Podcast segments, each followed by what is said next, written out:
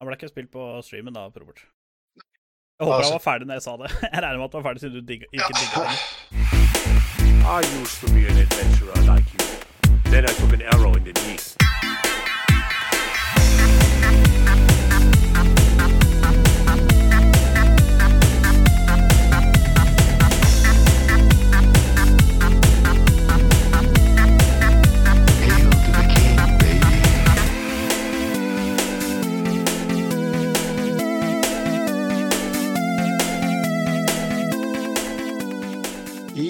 Hallo alle sammen, og velkommen til Spill og chill episode nummer 12. Og 13. stream nummer 1. Eh, Episode 12. Nei, 13. Episode 13. Ja, Sorry. Der ser du. Sånn er det når man har vært borte i åtte måneder. Um, dessverre. ja, det, Men det er jeg er som vanlig Bob Rob, og på første gang på kamera is reveal 2021. Og på andre sida av skjermen min så har jeg Gunley. Gun Gun. Oh yeah. Yeah. Jeg merker det at vi sannsynligvis må ha litt tid på å komme inn i flyten igjen. Men jeg har en idé for hvordan vi kan um, prøve oss å fremskynde litt. for det jeg har nå her, ser du, endelig. Den er velkjent. Åhåhåhå. Oi, oi, oi. Der har vi eh, good old eh, ølen der, vet du. Og Ja. hva vi har i glasset. Og jeg har jo gått uh, for en uh, litt mer uh, kaller det? Gentleman, eller Classy, Michael Jordan-ish whisky. Sett, sett. Hvilken whisky er dette? Dette er Famous Gross. Oh. Ja, fra Øsketeland. Nei, det var noen som var i skapet, så da tenkte vi på at da smeller vi litt i glasset, for nå skal det nytes. Hadde ikke flere øl igjen, så da fått vi gå på whiskyfronten i dag. Helt klart. Nei, jeg har en iskald øl i kjøleskapet, så da finnes det ikke noe unnskyldning for å ikke bruke det. Nei, nei. Eh, som en innledningsvis, så er jo dette første gang vi streamer. Ja. Eh, og det virker jo som en god måte å komme tilbake til eh, podkasten på. Ja. Um, vi har vært borte i åtte måneder. Siste gang var episode nummer tolv i desember eh, 2020. Så det begynner å bli lovlig lenge siden. Det, det har tatt så lang tid å sette opp den livesend-siden her. Det tok ikke ti minutter rett før sending å sette opp, men det tok åtte Nei, det måneder. tok åtte, det tok åtte måneder å sette opp denne, denne siden her. Så. Eh, hvis dere vil ha noe scene-tutorials på OBS i Gunley, så er det bare å ja, masterclass, liksom. mm. Uh, Du vil bare opp, opp og streame på 1, 2, 3, 8 måneder. Ja. På 1, 2, 3, 8 måneder. Uh, den voden her, vil, eller det som blir en vod etter hvert, uh, vil da havne på YouTube-kanalen vår. Den har vært litt død i kanskje litt lengre tid, tror jeg. av det at Jeg har jo fått en ny børste. Det er også kanskje en av grunnene til eh, at eh, episoden har blitt litt forsinka. Det er for at den forrige børsa mi var ikke helt eh, Det høres litt rart ut, men det var ikke helt videoredigering for podcast-friendly. Eh, Ja, når du sier børse, så mener du PC. Da begynner jeg som PC, ja. til bilen sin som børsa si. Noen hagla som børsa si. Eh, nei, jeg mener Ja, PC-en. Eh, så nå har vi fått eh, solgt venstre testikkel, skaffa en 3080, og nå har vi open running. Ja, for du, du måtte jo selvfølgelig ha en 3080. Dem, Du, eh, du, du kunne ikke nøye deg med en 3060 eller 3070 eller noe sånt. Nei, jeg skulle jo ha 3070, eh, eller 3070 Ti. Det var det ultimale eh, målet mitt. Men utsolgt. Så da, Ja. da måtte jeg ta second best, holdt jeg på å si. Eller sånn ytelsesmessig så er det by far det beste, men sånn Da måtte man selge venstre testikkel for å finalize PC-en. Ja, ja. Så det var jo veldig dumt at de var tom for 3070. Så Ja, måtte ta det var- 3080 nå. Det var trist. Hater det. Ja, hater når det skjer, men jeg har en uh, ekstremt nydelig eh, frøken som gikk med på at uh, hun kunne ta min gamle PC, og så kunne jeg bygge ny. Og da fikk jeg lov til å bygge det, selv om jeg måtte litt opp i over det jeg originalt hadde satt budsjett. Helt klart. Um, en annen ting som jeg også må ta selvkritikk på, er at det er som, som regel har sittet og redigert disse episodene. Uh, og en episode på ja, la oss si en time til en og en halv time som episodene våre ofte havner på. da. Mm. Uh, tar nesten to til tre dager å, um, å redigere. Vi har diskutert litt på det, og det må jo egentlig ikke være så mye redigering involvert, men det, det er rart med det når man starter på det og, og, se hvilket resultat man kan få, eh, som ikke får å skryte veldig av oss sjøl. Eh, så har nivået på eh, lydkvaliteten eh, vært høy. Det har og kanskje um, høyere enn det den trenger. Så vi prøver også å legge oss på et litt lavere nivå, gjøre um, arbeidsflyten litt lettere. Ja. Eh, og dette er også ideen på hvorfor vi begynner også å streame med episodene. Ja. For da kan vi ta audioen fra Vodden, eh, som skal være med en, god nok, og videoen samtidig. Og kunne legge det ut på både YouTube, Spotify og eh, alle disse uh, streamingplattformene. Og YouTube Ja, sånne ting. Det er egentlig Ja, rett og slett for å gjøre det litt lettere, for nå har det vært uh... Vi har sagt det hele tida, men det har faktisk legit vært altfor mye å gjøre på jobben. Uh, og vi er jo i ganske etablerte forhold, begge to. Eh, vi har jo et par ringer på hver vår finger og um, sånne ting, så det er liksom Vi har, vi har tre dager i uka hvor vi har lov til å bende family rules og, og sånne ting, så vi har satt opp tre dager i uka. Men ofte så er det sånn at vi jobber overtid på de tre dagene, og da har vi rett og slett ikke hatt tid til å eh, Vi har tid til å spille podkast, det har vi, men vi har funnet ut det at uh, hvis vi skal spille inn en podkast bare for å spille inn en podkast, blir den veldig ensidig. Eh, helt klart. og da Nå har Det var jo liksom veldig mye action i fjor høst med spill, og vi hadde jo ganske lange episoder, vil jeg si. Episode 11 og 12 var i hvert fall veldig lange på slutten av året i fjor. Mm. Og nå så har endelig et par spill kommet ut. Eller ikke nødvendigvis kommet ut, men det er i hvert fall et par spill vi har klart å gjennomføre. eh, og spilt litt, så vi faktisk kan prate om de.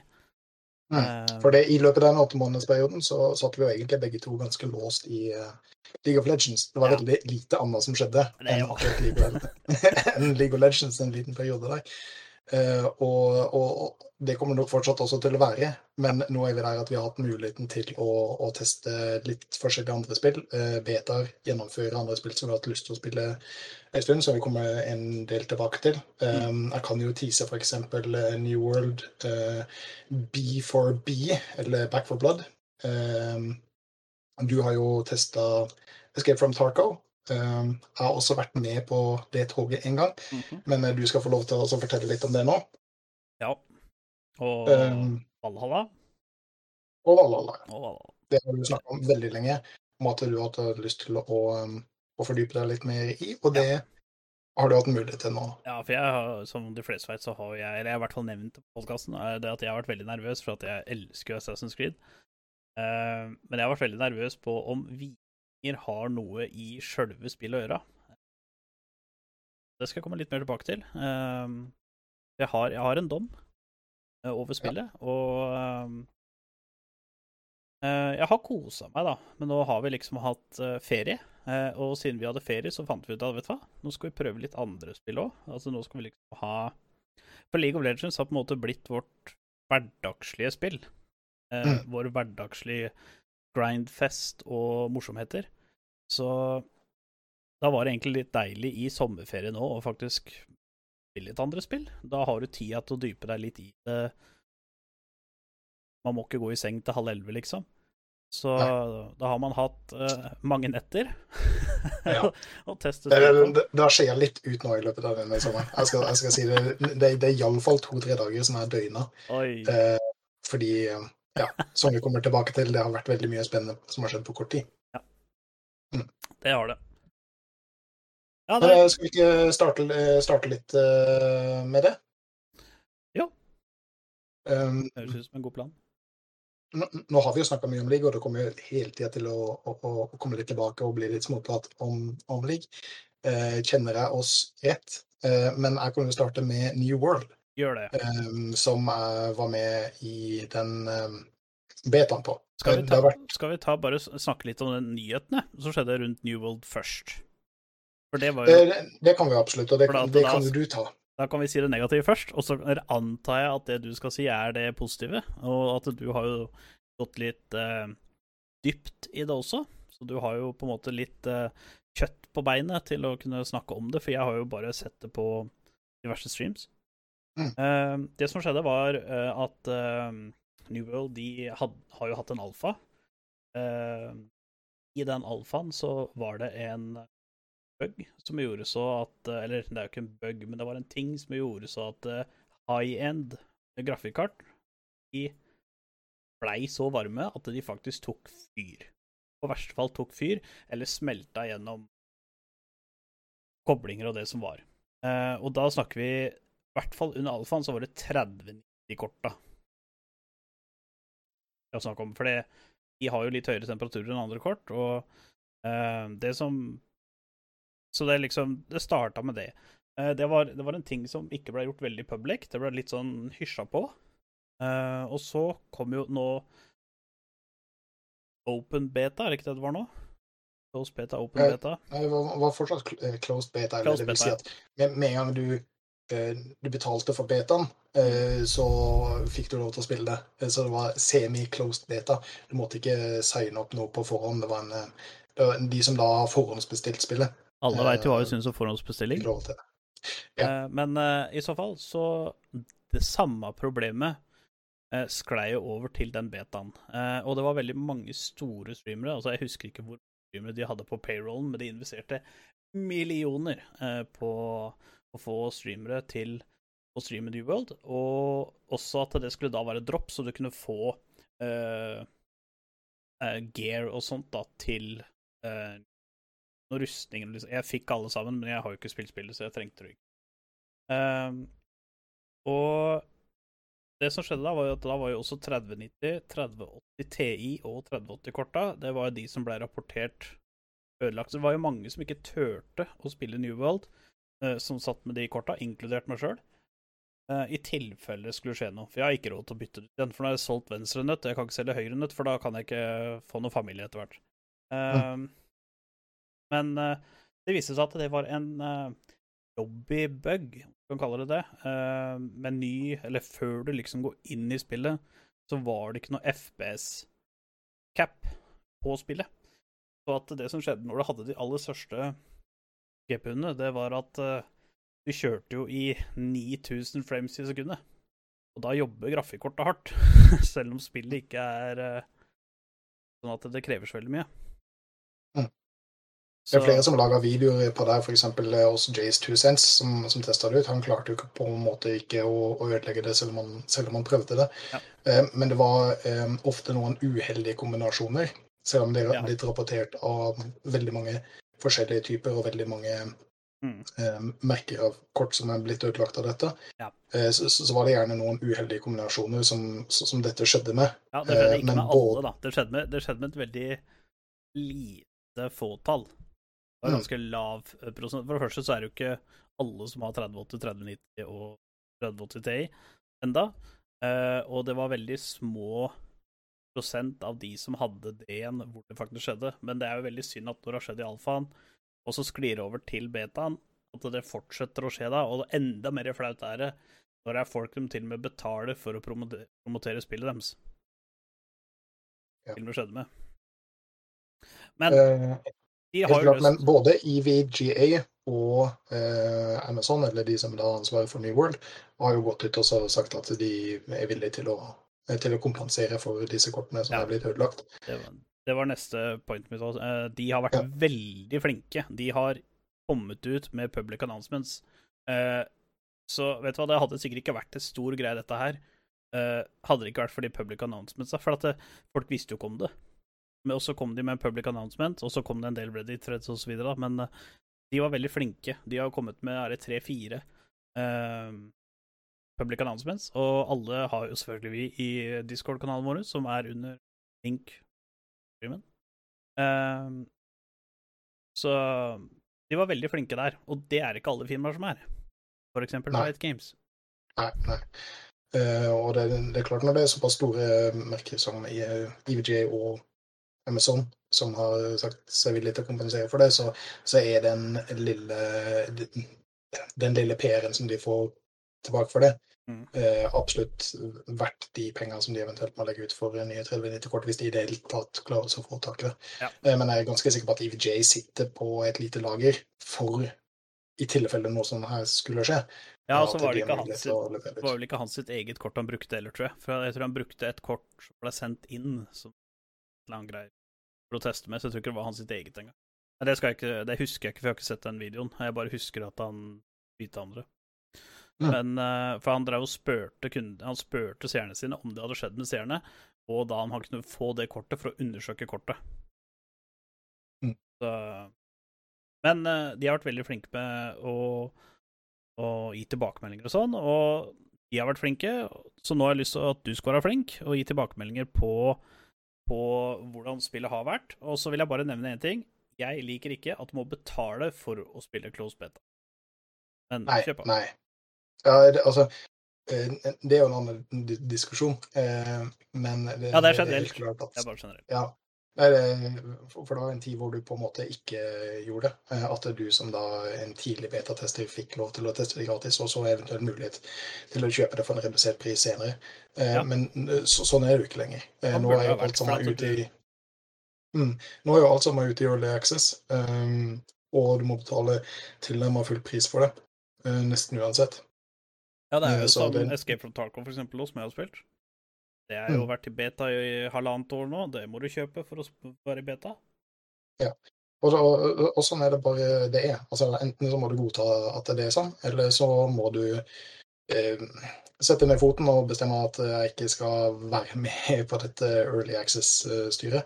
Eh, men eh, da byr det jo på andre problemer. Eh, de spillene da som aldri eventuelt kommer ut i en full versjon, men for alltid blir i Early Access, Ja. får du ikke lov til å være med mens hypen, hypen foregår. Mm. Men som sagt, det er jo en helt annen diskusjon. Jeg starta jo å spille det etter at den FPS-capen kom inn, Ja, og var med en gang ganske konservativ med den. Jeg satte den ikke ned til 30, for 30 går ikke an å spille i, så jeg satte den opp til 60. Eh, den eh, første uka når jeg spilte det, eh, så eh, kjørte det egentlig veldig, veldig bra ute i verden. Eh, Men i og med at eh, alle serverne var stappfulle, og i enkelte tilfeller måtte vente i fire eller til og med 16 timer i Q for å komme inn, Oi, det var sånn som Eh, gamle World of Warcraft Days, det. Det var legit Ja. Ja, eller sånn som eh, Last Oasis var med en gang det Mm, kom inn. mm. At det var estimert at du kunne sitte i 358 timer eh, for å komme inn i en server. Så fant vi iallfall en server som hadde noenlunde lav ping, eh, og eh, tilnærma ingen Q-time. Ja. Men det var fortsatt eh, ganske full server. Eh, så når vi Beklager. Må kaste susen sånn at jeg kan prate. Ja, kan ikke du kaste susen? um, Det er liksom nesten kjekt når du er på stream, ikke sant? For da kan du ikke edde, det ut eh, i etterkant. Uh, jo, men med en gang du kommer inn til byen, uh, så er spillet veldig lite optimalisert, og det er ganske fulle servere. uh, så du står jo i en settlement eller en by sammen med minimum 50 andre, kanskje til og med 100, eh, i de mest aktive eh, timene i løpet av av døgnet. Mm. Eh, Så da falt jo jeg ned til ja, et sted mellom 14 og 22 FPS. Ja, for det er vel her, det er vel her døgnrytmen din har sklidd ut litt. For det var jo nesten best for deg å spille om natta, var det ikke det? Jo, jo, det var, var akkurat det. Eh, Etter hvert så hoppa vi over til en eh, amerikansk server som hadde overraskende lav ping. Oi! eh, Som gjorde også da at vi kunne spille, spille litt opp, mer optimalisert Ja. eh, i, i riktige europeiske eh, tider, selv siden vi spilte med hovedsakelig noen fra Sverige. Ja. Under betaen. Men alt dette førte jo til at jeg begynte også å undersøke hvorfor i all verden eh, var det så lite optimalisert i byen. Og det jeg finner ut at det er Når det blir sånn simulering med mange folk som driver med mye missions og, og, og sånn inne i et veldig eh, tett miljø, så er det veldig CPU-avhengig. Eh, Ja. Så når jeg åpna opp eh, maskinvare eh, sensorene mine og sånn, så sa jeg det at jeg kjørte på konstant 100 bruk av CPU-en. Eh, mens Altså konstant. Det, det, var, det, det var ikke noe, noe et, nei, du har jo Intel, altså du får jo aldri de ekstreme temperaturene. Men hvordan var temperaturen når du kjører 100 Nei, det er overraskende bra. Eh, Kjøleren min er, var ganske effektiv på, eh, på den eh, CPU-en. da. Mm. Eh, Men jeg så jo det at GP-en min jobba mellom 55 og 60 mens CPU-en min gikk konstant på 100% Så jeg fant ut at det var ganske CPU-bound. Eh, Så da gikk jeg på Finn, og så fant jeg meg en ny CPU og eh, nytt hovedkort, for den nye CPU-en måtte ha et nytt hovedkort osv. Kjempedeal. 2500 for en i7 8700. Ja. Eh, K, og da hovedkortet mitt er et Z390-kort. Det er Eh, resultatet, da. Så jeg har mulighet til å overklokke det. Oi. Og det som var spennende, da, da hoppa jeg jo iallfall opp til CPU eh, Nei, opp til frame boundariesen som jeg kunne sette i hovedminnet, eh, og underkappa den. Og da så jeg at jeg, jeg lå rundt omkring en 80-90 eh, prosent arbeidskapasitet på både CPU-en og GPU-en samtidig. Eh, Så da var det jo tydelig at jeg på en måte hadde et litt mer balansert system. Så eh, UWorld kosta meg faktisk en del penger. I hvert fall til å være close beta. Ja, iallfall til å være closed beta, absolutt. Men, men altså, det, det første spillet som jeg på en måte har opplevd at det har vært såpass bundet av CPU-en min, noe som jeg håper de kommer til å optimalisere eh, før eh, release. Mm. Eh, for det er klart at det er veldig mye optimalisering som ligger i eh, programmeringa der. Ja. Eh, så, så, som er mulig å løse. Men når du endelig Eh. klarte å komme eh, vente 13 timer på å komme inn og spille, du fikk oppgradert PC-en din, hvordan eh, OK, for, uh, veldig Eller så detaljert som du vil, egentlig. Jeg skulle Ja. til å si veldig kort, men uh, fortell uh, i bunn og grunn hva er uh, New World? Åssen type spill er det? Hva går det ut på? Ja. Og sånne ting. For, for de som ikke kjente det, så er det jo en MMO ehm, som Amazon lager. Og altså det, det er en ny MMO eh, som alltid er spennende. Eh, det er spennende også å se hvilke type klasser du kan bygge opp, bygge opp hvordan type våpen, hvordan gameplay generelt er. Um, det er veldig veldig mye som er veldig kjent. Det er veldig mye som ikke har forandra seg på 10-15 år. Slakte Eh, 15 høns for å skaffe 10 fjær, osv.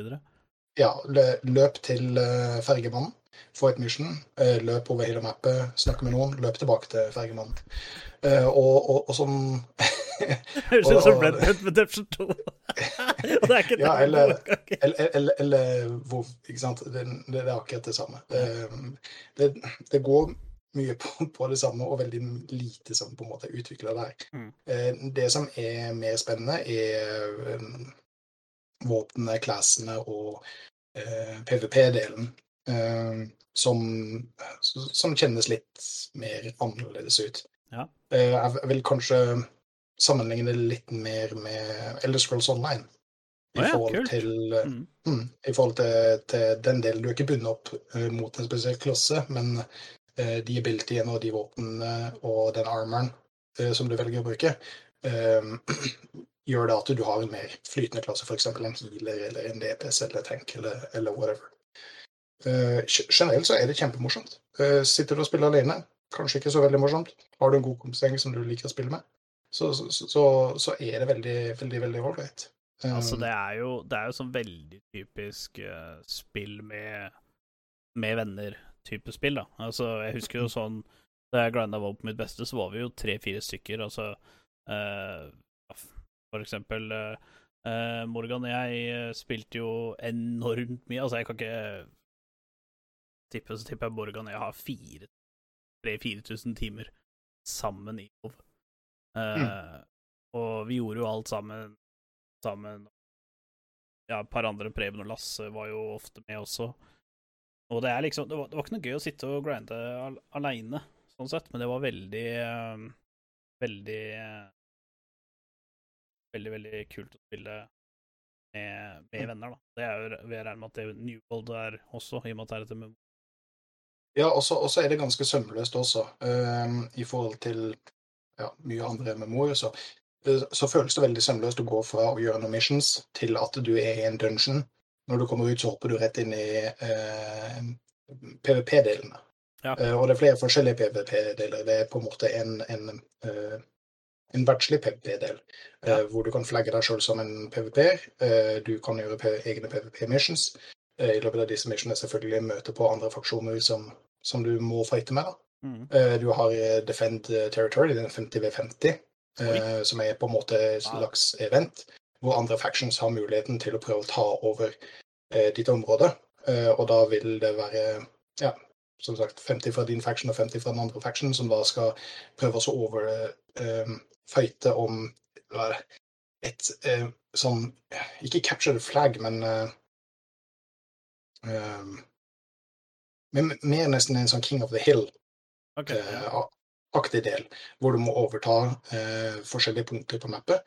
Og hvis eh, motstanderen klarer å overta de, eller du klarer å forsvare de, så avhenger det av eh, hvem, som, hvem som kommer til å, til å vinne. Mm. Veldig, veldig surt å tape eh, området ditt. For det koster masse penger å prøve å ta det tilbake, og du mister veldig mye experience og influ influensasjon. Er det det heter? I, Ja, ja. I ditt eget område.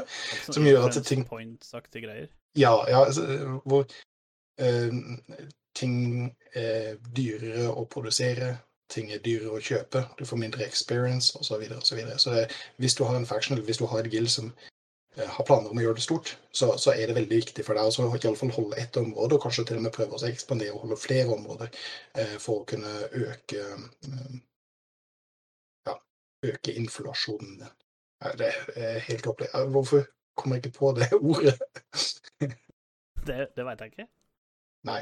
Eh, men vi har kosa oss masse. Eh, det er ikke noe nytt, revolusjonerende og spennende med denne MMO-en, men en annen MMO som, som føles god. En eh, god PVP-del når de får uh, fiksa FPS eh, raten og sånn, for det er klart når det er 50 over 50 som står under ett flagg og prøver å ta det over samtidig, så, så faller FPS-en din når du får et par um, um, Ja. Det, det, det føles ikke ferdig ennå. Uh, og det kommer til mitt neste punkt. Uh, For dette skulle komme ut nå i slutten av august. Ja, stemmer det. Uh, Men etter mye av eh, respons tilbake, eh, og sånn som de har sett at beta-delen nå har, eh, så har de utsatt det til 28. eh, Som jeg tror er en veldig lur måte å gjøre det på. Ja, det tror jeg òg. Eh, For hvis de skulle Hvis det release skulle det nå i august 2.0, hvis det hadde blitt lansert for tidlig, så Altså, da hadde det Du tar med både CPU, GPU og dette, så hadde ikke det vært en god start for dem. Nei, og, det, nei, og de, eh, det, det hadde sikkert vært spillbart nå den eh, det, eh, i slutten av august nå, men det, det hadde ikke føltes ferdig. Eh, Det var altfor mye bugs i løpet uh, i, eh, i Questlinesa. Det var såpass enkle ting at du bare logga ut og logga inn igjen, så var det fiksa. Okay. Men det ødelegger på en måte Det er sånn småkoding, da. Ja, ja veldig sånn småting som, som sikkert fortsatt hadde vært problemer. Så jeg syns det er veldig bra at de utsetter det, sånn at Ja. de prøver å levere et så ferdig produkt eh, som mulig. Og så kommer det jo selvfølgelig garantert en day one og day two og day three patch, men, men iallfall for de aller fleste som da vil hoppe inn i det ferdige fulle spillet i slutten av september, vil nok få en mye mer helhetlig følelse av hvordan, hvordan det egentlig skal være. da. Ja, og så er jo så spillhøsten er jo den viktigste årstida eh, spillet kan komme på, for det er, det er ikke noe Eller i hvert fall for oss som jobber, så er det ikke det er ikke noe ferie mellom sommer og jul. Eh, Det er en veldig lang halvår, fem-seks måneder, hvor, eh, hvor da sånn som spillanseringer er liksom høydepunkt. Mm. Det er veldig greit hvis det For det er jo alle Call of Duty-spill, alle Fifa-spill, NBA-spill eh, og nå skal jo Battlefield komme ut, og Halo skal jo komme ut. Jeg tror den høsten her, høsten i fjor, var ganske sterk. Dessverre så leverte det ikke der det skulle med sånn som Cyberpunk og sånn. Men eh, jeg tror den høsten her kan bli veldig bra. Altså New World, Halo, Battlefield. Eh, så for de som er interessert i Fifa Fifa skal jo tydeligvis komme med noe ganske ny teknologi, så det blir sikkert spennende for de som driver med det. Ja, det gjenstår jo å se. Ekstrem teknologi. Mikrotransaksjoner. Ja, FIFA OP-teknologi. er faktisk det eneste spillet som er kompetitivt pay to win. Det kan ikke jeg si noe om, det Det er ikke direkte pay to win, men det er, det er litt sånn lite direkte. Altså, eh, hvis du Altså, selvfølgelig skills på han spiller spillet har jo veldig mye å si, men hvis du har bare de beste spillerne i Fifa Ultimate, som på en måte er den multiplier-delen, og så er jo den eh, Hvis du har alle de beste spillerne kontra alle de dårlige spillerne, så er det jo litt forskjell der, da. Vi har jo også nå testa noe nytt som kommer ut. Eh, Det var egentlig veldig tilfeldig at, vi, at vi prøvde det. Vi har testa det Um, for to timer siden, faktisk. Ja. Eh, Sammen med en av de svenskene som jeg spilte ja, New World med. shout-out to MacShack. Mm, fordi han, eh, han leita etter noe å fylle tida med frem til uh, full releasen av New World. Han han var veldig lite imponert over at de utsatte releasen. Han gifta meg beta-key, så Mm. ty, Stort shout-out, Sid. Ja. Takk. ty, ty. Much love, Og det- respect, Bruce. Ja, for der, der slapp vi til og med å, eh, å preordre. eh, Fordi det har jo vært eh, de siste dagene veldig mye Twitch drops eh, med beta-keys for eh, Back for Blood. Ja, Og hva, hva- vil du si er førsteinntrykkene? For, for det første, Back for Blood. hvis vi skal starte i kronologisk rekkefølge, åssen type spill er det? Det er skyt alle zombier og overlev. Eh, eh, allerede for noe? Jeg vil kalle det for Coop eh, Altså, det er jo PVP-del. Vi har, bare så det er sagt, vi har bare spilt PVE-delen, eh, så vi kan ikke kommentere åssen PVP-delen er. Men i hvert fall som PVE så er vi jo fire stykker. Vi var jo tre, da, og så var det en random som droppa inn, eller en mamabot. som var helt ubrukelig, men ja. Og da var vi fire stykker, så det, det er jo sånt litt sånn uh, strategi co-op first person zombie-shooter. Mm, uh, ja. Kanskje det jeg kan kalle det. Uh, Mm. Det handler jo om at vi er, vi er en gruppe som har Du gjør forskjellige acts, het det der, da. Og det var Var det tolv acts i betaen? Det høres riktig ut. Det var i hvert fall ca. tre timer med gameplay som, som Da hadde vi spilt gjennom alle actsa, da, i hvert fall. Eh, og det, det som på en måte var mitt første inntrykk, var det at uh, du får jo sånne kort uh, som du kan velge. Og du får jo flere kort jo mer du har spilt, selvfølgelig. Og da får du sånne perks. ikke sant? Sånn ene er ok, pluss 10% ekstra stamina, så du kan løpe mer. ikke sant? Og hvis du har spilt spillet litt, så veit du f.eks. ok, dette missionet her, så er det faktisk en fordel å ha stamina. Eh, neste mission så er det kanskje mer lurt å ha litt mer helse, for der er det flere bosser. Uh, kan ha 10% mer ammo, 5% mer health, uh, livestil uh, Eller hvis du dreper uh, zombier med kniv, så får du så mye helse tilbake igjen, og litt sånne ting. Jeg likte den der variasjonen, at du kan bygge Eller du kan tilpasse litt etter hvordan du spiller, da. Ja, den, den hadde litt sånn uh, rogelike-følelse over det. Uh, hvor du Hvor hvert eneste run gjennom den samme eh, acten Mm. kan være forskjellig, avhengig av hvordan du eh, For det første hvilke karakterer du velger, hvilke våpen du velger, hvilke eh, passives du velger, eh, og hvilken vanskelighetsgrad som du velger. For vi prøvde to forskjellige vanskelighetsgrader i act 1. Ja, da, var det, da tok vi jo uh, først veteran, Mm. og så gikk vi tilbake til survival, bare fordi Mm. Det var ikke det at vi ikke klarte veteran, men det var det at eh, Eller jo, det var jo egentlig det, da, at vi ikke klarte det, men det er det at Vi, vi hadde klart det, men det hadde tatt veldig mye lengre tid. Og vi Ja, hadde lyst til å komme riktig... gjennom act 1 for å se åssen det føltes.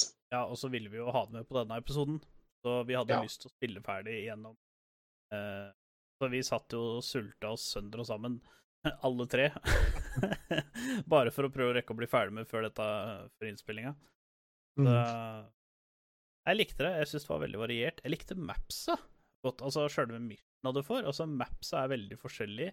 Mapsa er veldig litt sånn derre Faktisk hadde de mapsa vært i for eksempel Battlefield eller Call of Duty eller et eller annet sånt skytespill sånn som det, så hadde det vært helt kongemaps selv Mm. for det. Det var eh, inn og ut av bygninger, klatre opp på tak. eh, du kunne gå én vei her og én vei der, og ville fortsatt komme på samme sted.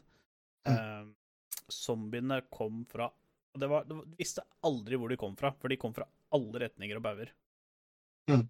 Og eh, det vil jeg si om mapdesignet. Mapdesignet eh, gjennom egentlig hele act 1 eh, føltes veldig naturlig. Fordi det er jo Altså, det, det er et konsept som heter on rails.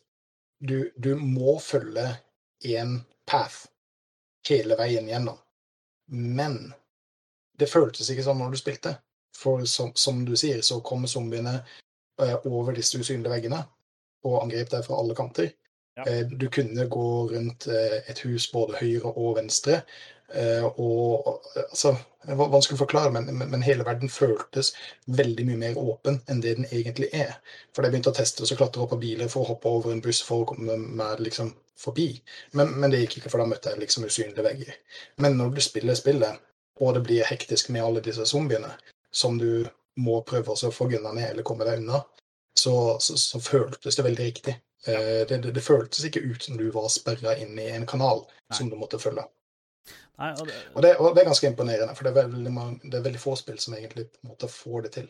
Det blir veldig, veldig fort tydelig at dette er områder du ikke får lov til å gå i. Men ja, og så var det også sånn at det var ikke helt åpenbart hvor du skulle gå, men samtidig så Nei. var det ikke sånn at du eh, Du måtte ikke gå på Wikipedia for å finne ut hvor du skulle. nei, eh, nei, eller nei, på. YouTube, men det var sånn at det Jeg vil ikke si at det var en nødt å finne fram. Eh, det var det ikke, men det var liksom sånn at du Akkurat så mye at du må tenke deg om.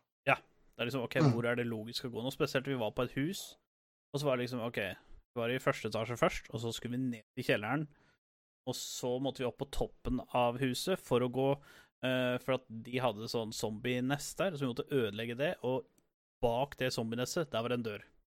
Mm. Eller, da så, så, som, jeg, som jeg sa til deg, det er ikke en dør, det er et hull i veggen. Ja, nei, altså, det var en dør. Når jeg åpna døra, så Når jeg hadde åpna døra, da ble det et hull i veggen.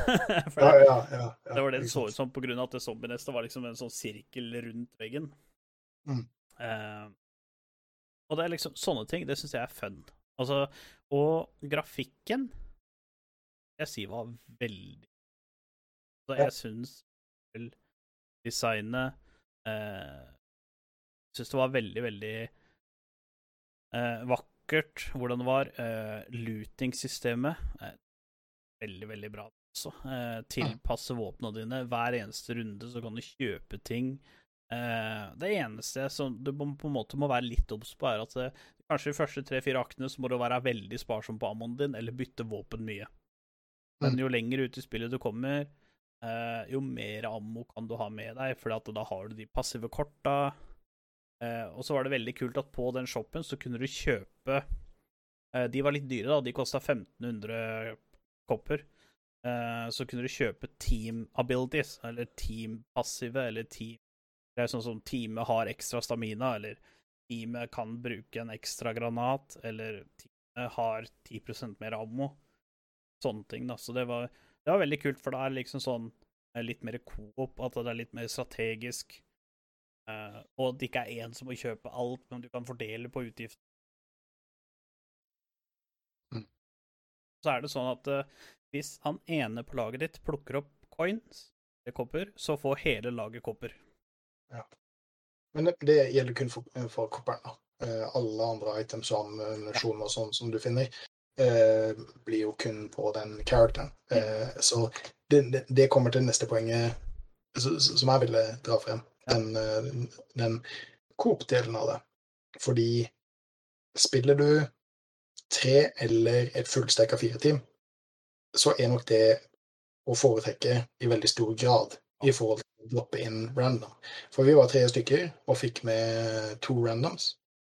En random. To ganger. Ja, Ja, random to ganger. Ja. Eh, I løpet av eh, det, og uten å ha noe som helst kommunikasjon, eh, så, så, så, så var det litt, litt rart. Eh, det blir til at den som da spiller solo, løper rundt omkring og luter alt til seg sjøl, selv, selv om kanskje det hadde vært mer å foretrekke om eh, den som faktisk var tom for ammunisjon, fikk den ammunisjonen.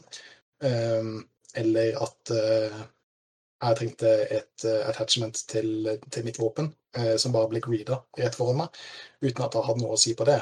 Ikke sant? Ja. Og, Eller noen som bare løper videre uten å på en måte prøve å gjøre ferdig missions og hopper over for en bru, dauer, og det er ingenting vi kan gjøre med det. Så han blir liggende der til uh, han blir lei av å vente og, og hoppe ut av gamet. ikke sant? Og da blir du stuck tilbake med denne båten, som egentlig var å foretrekke. ja, Eh, fordi dem uh, til De vekte ikke de nesta, åpna ikke dører når de ikke skulle, og så Mm. videre og så videre. Så det Vi gjorde det best når vi hadde bots. eh, Fordi- ja, ja, ja, rett og slett, for da hadde du full kommunikasjon mellom alle medlemmene. Ja, så var Eh, det en annen ting også som vi gjorde som Altså, det falt oss helt naturlig inn. Vi tenkte ikke så mye over det. Jeg tror jeg kommenterte det på nest siste akt eller noe sånt. Så var det liksom siste halvtimen igjen å spille et eller annet. Så var det det at vi kjørte eh, tre karer med tre forskjellige typer animasjon. Eh, animasjon. Altså, det var eh, eh, han Han sjølveste Mac-sjacken brukte sniper, jeg brukte rifle og Eller AR, og du brukte shotgun. yeah. Jeg brukte en Skar og Desert Eagle. Desert Ja. Eagle bruker uh, sniperammunisjon. Ja. Vi brukte, jo- vi brukte jo litt forskjellig ammunisjon, og da er det litt lettere. For at, eh, sånn som du spiller i hvert fall på veteran eh, tidlig, så er det det at eh, ammoen det er ikke det det flyter mest av. Så det er faktisk litt strategisk hvilken type ammunisjon du. Selvfølgelig, du kan jo bytte våpen, for det ligger våpen rundt, og det er loot grades rundt omkring. eh, Som er litt jevnt, så du må leite litt. Eh, og da kan du jo, hvis du er, har lite ammo, så kan du bare bytte til en av de våpnene som er der. Men det er også veldig digg for å ha et våpen så lenge som mulig, og sette på de attachments da du vil ha, og som du bytter, eller eventuelt kjøper i starten av hvert runde. Det er i hvert fall sånn som det var nå, så var det to attachments du kunne kjøpe på starten av hver runde, eh, og det var to main-våpen, om det var shotgun, sniper, AR, SCAR, AK, eh, SMG videre. Eh, og så var det da ammo, eh, bandasjer, painkillers og medkit. Og ammoboks og throwball. Kjøpet. Altså, det var liksom bare to våpenattachments og to våpen, men det er det som gjør det på en måte strategisk, og at det ikke blir for lett, på en måte, da. Mm.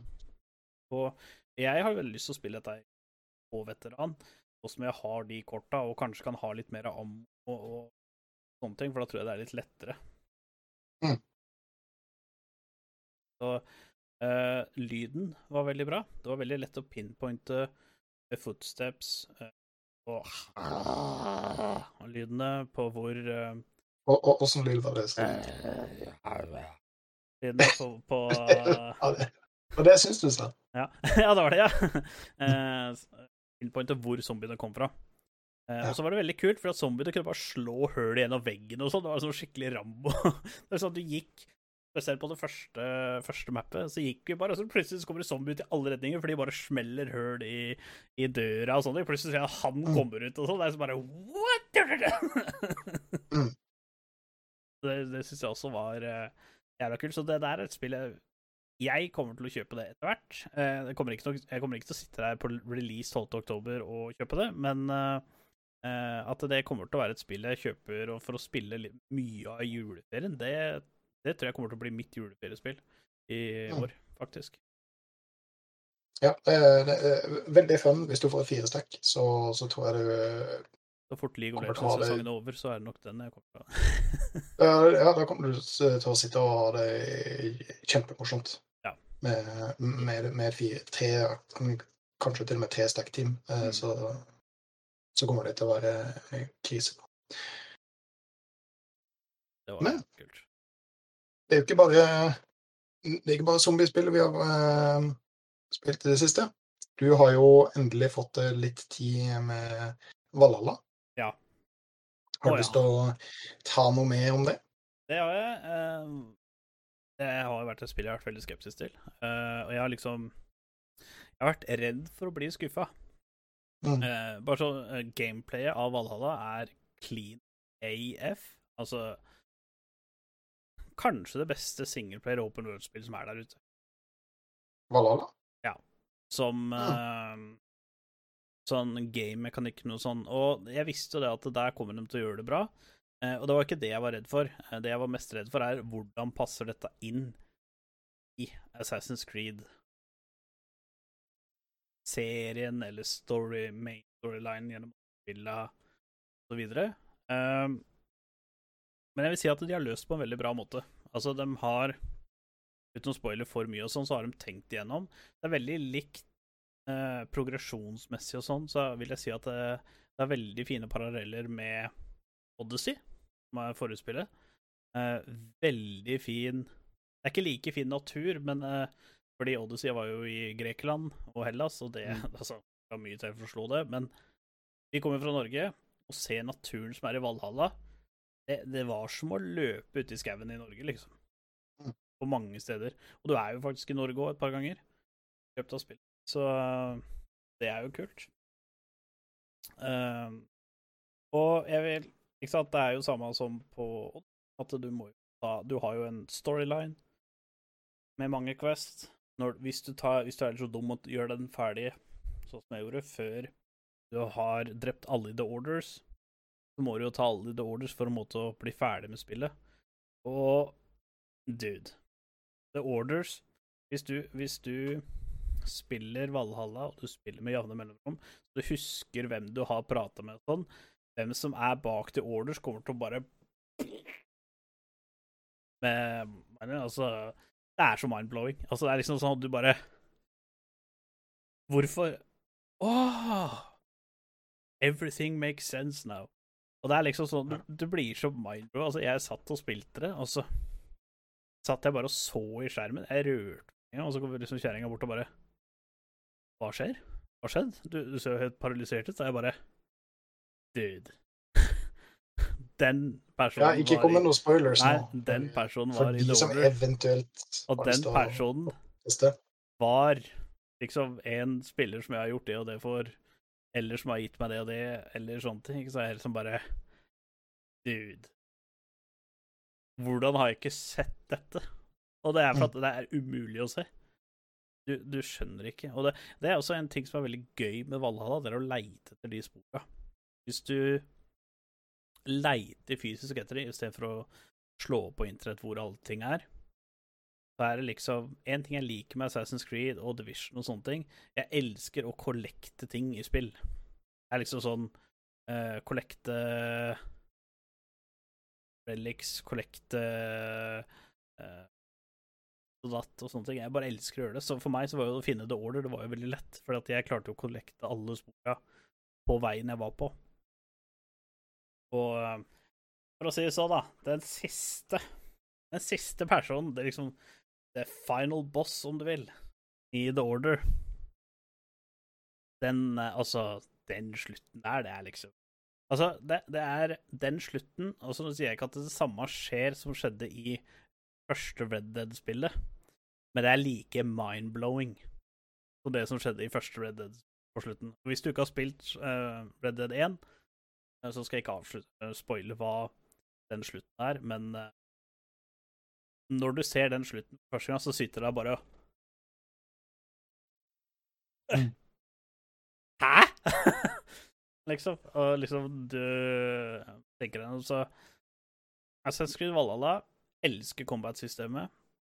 Elsker en ting de har gjort som er veldig, veldig kult, og det er at eh, hvis du skal ri fra et sted til et annet, og det går fysisk vei mellom hele greia, så kan du bare trykke på follow road, trykke på Z på at den skal Nei, trykke på E for at han skal gå til Quest location, så du kan ta autopilot hvis du vil.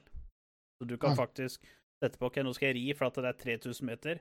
OK, da setter jeg på pausen, rir bort, uh, setter på auto, går på dass, pisser, henter meg en kaffe, kommer tilbake igjen, og så er jeg ready for Quest. Veldig, veldig behagelig, i stedet for at du fysisk må gjøre sånn som på Red Dead og andre spill, at du fysisk må ri i store deler av spillet for å komme deg fra A til B. Mm.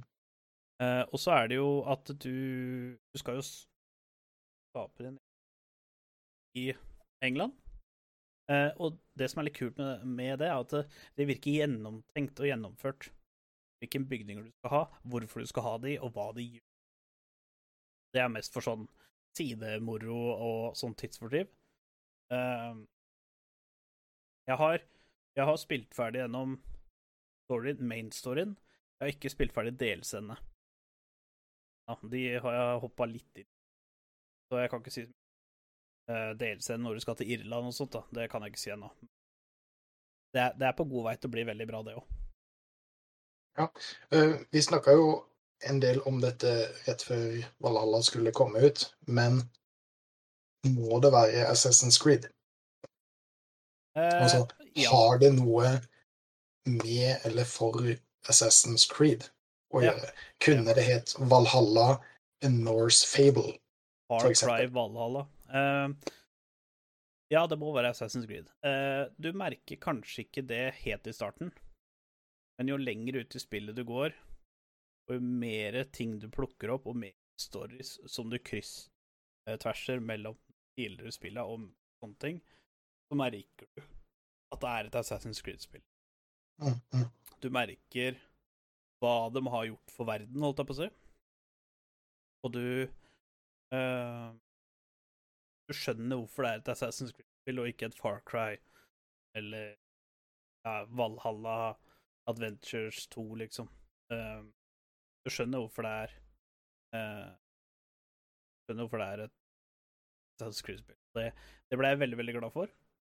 Uh, det, er det, er veldig mange twist og turns. Det er Quest er veldig varierte. Det er ikke bare gå og drep han her, bare, ikke bare gå og stjel denne nøkkelen her. Uh, du skal jo blant annet ta over skal jo conquere eh, slott og baser og sånne ting. Det er vanvittig kult. Du har et skill-tre som er jeg, har, jeg er på level 400 og et nå, og jeg har fortsatt ikke fylt ut alle poenga. Så du kan tidlig, tidlig på så kan du velge om du vil gå dual wield. med du kan bruke eksempel tohåndssverd, tohåndsøkser. Altså i, at du kan bruke en tohånd i én hånd, da. Mm. Eller hva du skal gjøre for noe. Og det er veldig eh, det, er, det er det eneste man kan Hvis jeg, hvis jeg skal finne et eller annet å pirke på det, så er det det at spillet er veldig stort. Så hvis du har lyst til Du kan ikke sette deg ned og, altså Hvis du har én uke fri, ja, du blir ferdig med det på en uke. Hvis du ikke gjør noe annet den uka. Enn å spille Jeg tror jeg brukte 90 timer på, på, på å klare storyen og klare å drepe alle fra The Order. Eh, Mm. Da skal det sies at jeg luta mye og tulla rundt sånn. Side missions og så Ja, da, jeg har faktisk ikke gjort så mye side mission. Overraskende lite side mission. Jeg gjorde det litt grann bare for å få litt level advantage. Mm. Uh, men uh, jeg har faktisk ikke gjort så mye. Altså, jeg har kanskje gjort 40-50 side det er jo mye, det, da. Men uh, jeg liker, jeg liker spillet. Jeg liker at det er viktig å ta en feast. Eh, du skal gå Du får et kart over England, og du skal skape allierte overalt i England, så alt blir et stort herredømme. Mm. Så du skal jo slakte konger, du skal ta over te- territoriumer, rettferdiggjøre hvorfor du skal ha territoriumer, du skal få allies, du skal plyndre i ordentlig vikingstil, du skal sette deg på longshipet ditt, kjøre inn til shore, drepe alt du kommer over, plyndre de for alt det meier du har, sette fyr på alt det meier du har, og stikke. Fordi viking Ja. Det eneste du ikke ser, er jo faktisk om du gjør det en annen ting som vikingene var veldig kjent for, det skal vi ikke nevne her, Eh, men eh, det har litt med hummerstaka, ufrivillig. Eh,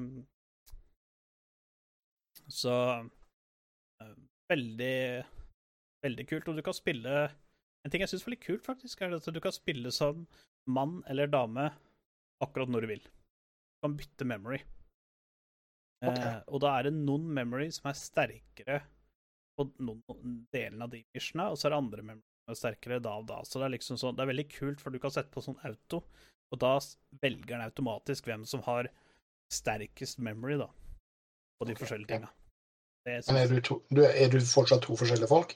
Ja, det er to forskjellige folk, men de gjør akkurat det samme. Ja, ja OK.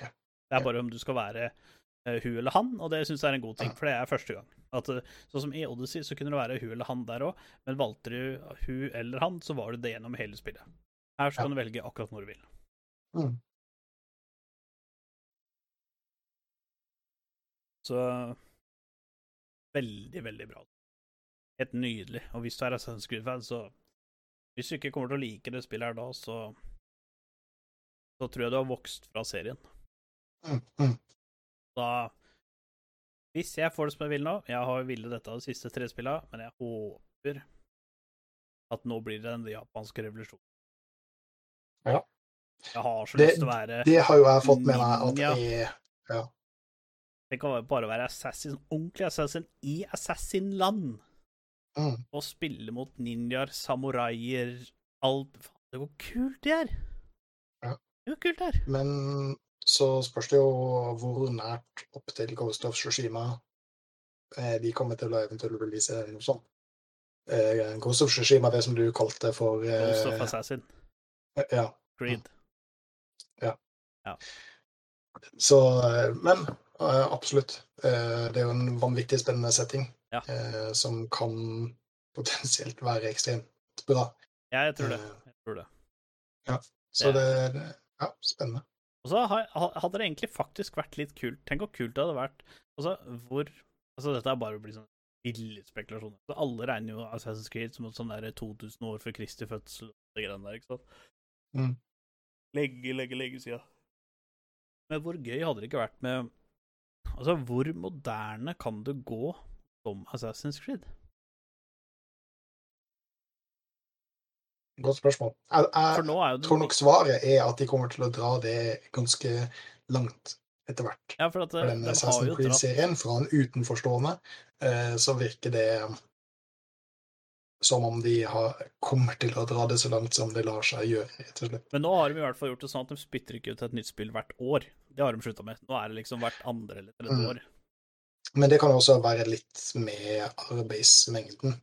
Eh, For det er ikke å legge inn under stol at noe som At det er et spill som tok tre år eh, å produsere for ti år siden, Ja. eh, tar nå da 15 år Mm. å produsere. Eh, Fordi gjerne ideene og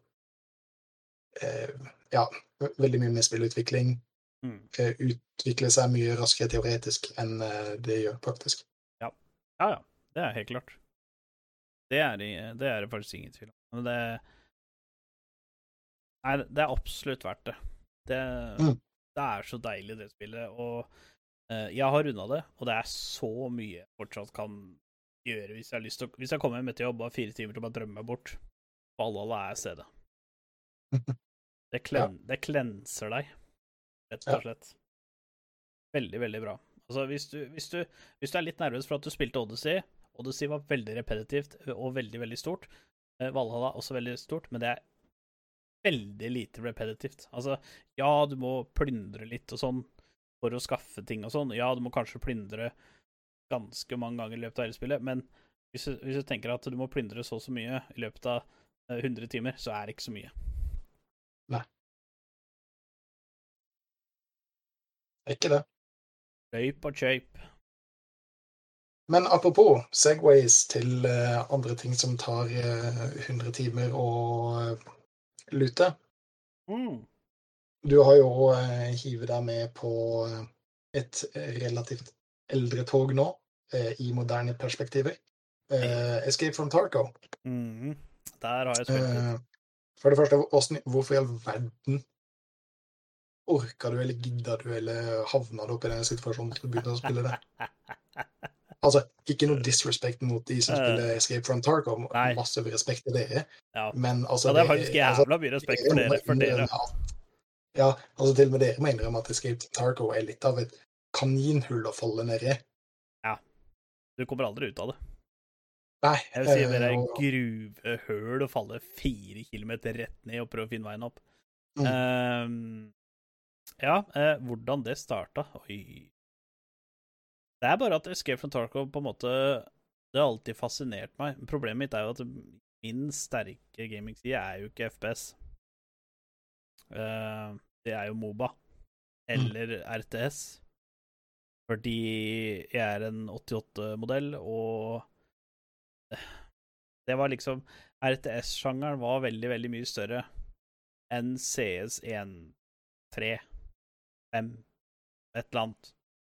Så eh, Det var liksom Jeg har fått litt mer inn der, pluss at Mob League Legends har jo vært main gamet mitt nå i åtte-ni år. Mm. Eh, eller det har vært det jeg har spilt når jeg har spilt, da. Uh, ellers har jeg spilt en del konsoll, sånn som Assassin's Creed og sånne ting, da det på en måte var på 360 og sånn. Eh, men eh, nei, det var det at uh, Escape from Tarkov, det er fascinerende. Uh, det er um, Et Det er ad. Altså, det er en drug. Jeg vil kalle det Ja. en drug. Du, du blir Mm. Altså, det er så mye du kan Altså, sånn som, sant, sånn som League of Legends. Det er så mye du kan sette deg inn i. Det er så mye taktikker du kan tenke. Det er så mye sånn og sånn og så videre. Og det er derfor League of Legends er verdens største e-sport. For det er så mye taktikker involvert, og én champion kan forandre taktikken så vanvittig mye. Uh, og I hvert fall nå, de to siste åra, hvor liksom flexpix har vært liksom det store, så har det vært enda verre for pro teams å liksom perfeksjonere ting, da, for det blir så mye å sette seg ned i. Uh, men uh, Nei, Tarkov, det er, det er liksom sånn Det er for å få adrenalin, rett og slett. Altså Du går inn, du kan miste alt, du gjør én tabbe. Um, det å gjøre et raid og komme ut med 500 Jeg er ganske ny i spillet, lav level, så 500 000 er ganske bra lutrute. Jeg veit at det er folk som kommer ut med fra tid til annen. Sånne ting. Uh, det du kan sette opp i hideouten din, missiona du skal gjøre. Hvor frustrerende er ikke når jeg to ganger prøver å gjøre samme missionet, og begge gangene dør jeg ti meter fra extraction point, eller at jeg har prøvd å ta eksempel customs, så hadde jeg CB12 og gas stations og CB11. Uh, gas station og CB12, det var spørsmålstegn. Jeg går i begge to, og ingen av de er selvfølgelig extraction points, det er bare bait. Så jeg må gå hele veien for å finne CB11. Og når jeg endelig klarer det, og klarer Mishna Altså, selv om jeg har en verdi av 40K når jeg kommer ut, det driter jeg i. Jeg klarte Mishna og er drithappy, liksom. Altså, det er sånn derre um... Åh.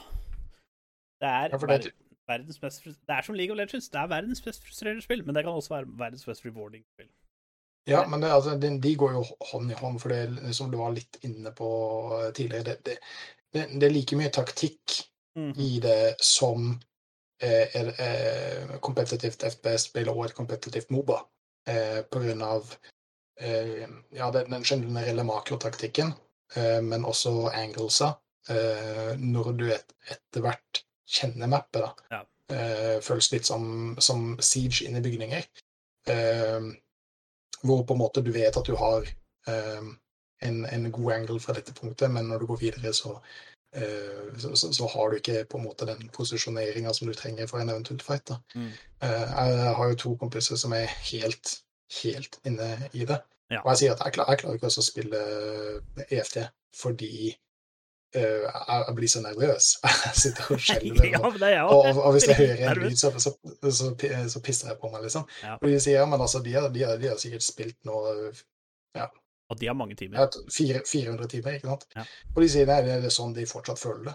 Eh, selv om du på en måte du blir litt sånn blasert på, eh, på den, eh, den, den, den skremmelsen med det, så sier de nei, det, de, de, de gjør ikke det. De, er like nervøse, like redd hver eneste gang. Eh, Ja. men, eh, men det er det som gjør det like morsom, eh, så morsomt, da. Mm.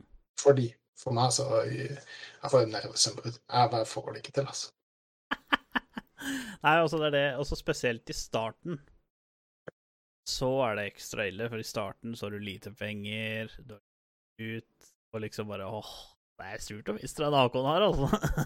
Mm, Det er liksom sånn Ja, kanskje jeg må kjøre, dra pissordrunde, bare sånn dra litt sånn øko-runde. Du veit jo, kanskje jeg er heldig, så får jeg drept en skau, og så kan jeg heller lute maskingeværet hans, og så kan vi heller bruke det innover, liksom, og sånne ting. Så det, ehm, det, er, det er veldig mye sånt der òg, og det, det er gøy, altså. Det er uh, sinnssykt kult. I hvert fall nå som jeg begynner å få. Altså, jeg har ikke, jeg har ikke mye penger der, uh, men jeg har liksom sånn Jeg har begynt å få meg sånn scav- scav-bokser og begynner å ha slitt med en del space og, og sånne ting, så Og har oppgradert det meste, eller fått i hvert fall det meste du kan få i hideouten, utenom sånn som bitcoin og, og sånne ting.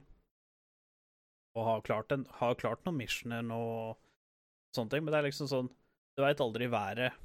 Uh, det, det eksisterer ikke matchmaking der. Altså, du kan møte ene som er på level uh, 45 der, når du er på level 1. Uh, hvis du går solo, så kan du møte på en eh, tre-fire stack team og, og sånne ting, liksom, så det eh, Men altså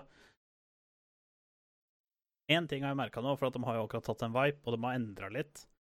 Eh, og de har jo endra sånn at nå, hvis du er skau og dreper andre skau, så går eh, er eh, karismaen din veldig mye ned, eller reputation, om du vil, da. Med skausa går veldig mye ned, og skausa er jo Du vet, så er skaus eh, eh, computer, eller AI-er, da, er russ, som på en måte er en del av Tarkov.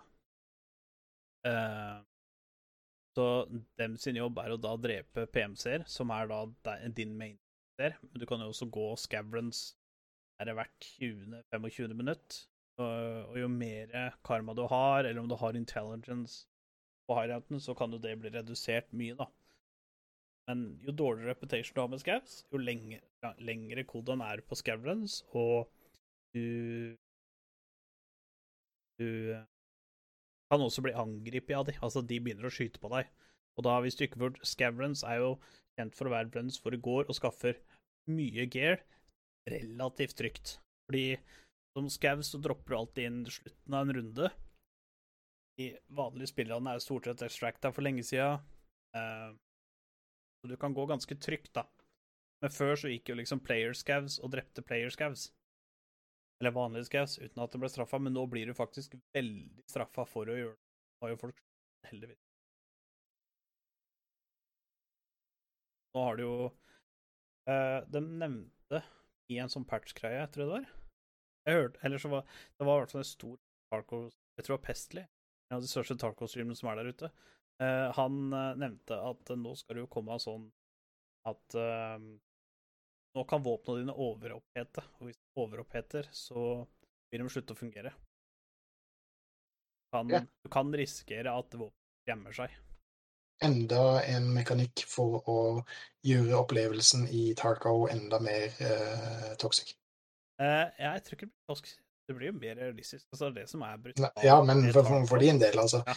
Eh, Ja, med alle forskjellige måter å heale deg sjøl, og mat og drikke og alle de andre mekanikkene i Ja, det er jo et survival-spill, så du må ha mat og drikke. Uh, Ja. det, det er ikke sånn som på alle andre spill at det står hvor mange kuler du har i magasinet. Det står fullt, about full, nearly half, about half, half Mm. Altså about empty, close to empty og sånne ting. Uh, og du Mm. må liksom fylle opp magasinet sjøl med kuler og så videre, så det er liksom Det er veldig Det er ekstremt realistisk. Realistisk. Mm. Men det, det som er bra med den overopphetingen, er at eh, alle nå kjører jo silencere. Skal høre hvor det kommer fra. Og det er jo Mm. de som kommer til å bli overoppheta og gjemme seg. Mm. For det er jo i virkeligheten så er det jo Det skyter mye med silencer på, så er det jo silenceren som brenner opp, holdt jeg på å si. Det er den som blir varm. Så jeg tror det blir en bra ting. Jeg ser det som en nerf til silencer. Ja, eh, det, det, det kan du absolutt, eh, absolutt si. Men så er det vel ikke bare bare å få tak i silencere, og de som har bra utstyr, de bør jo på en måte ha en fordel i forhold til de andre. Men, ja, men det har de eh, det har de uansett, fordi at de kan jo kjøpe På level 20 så kan du kjøpe alt på flymarked, ikke sant? Mm. Selge ting på flymarked.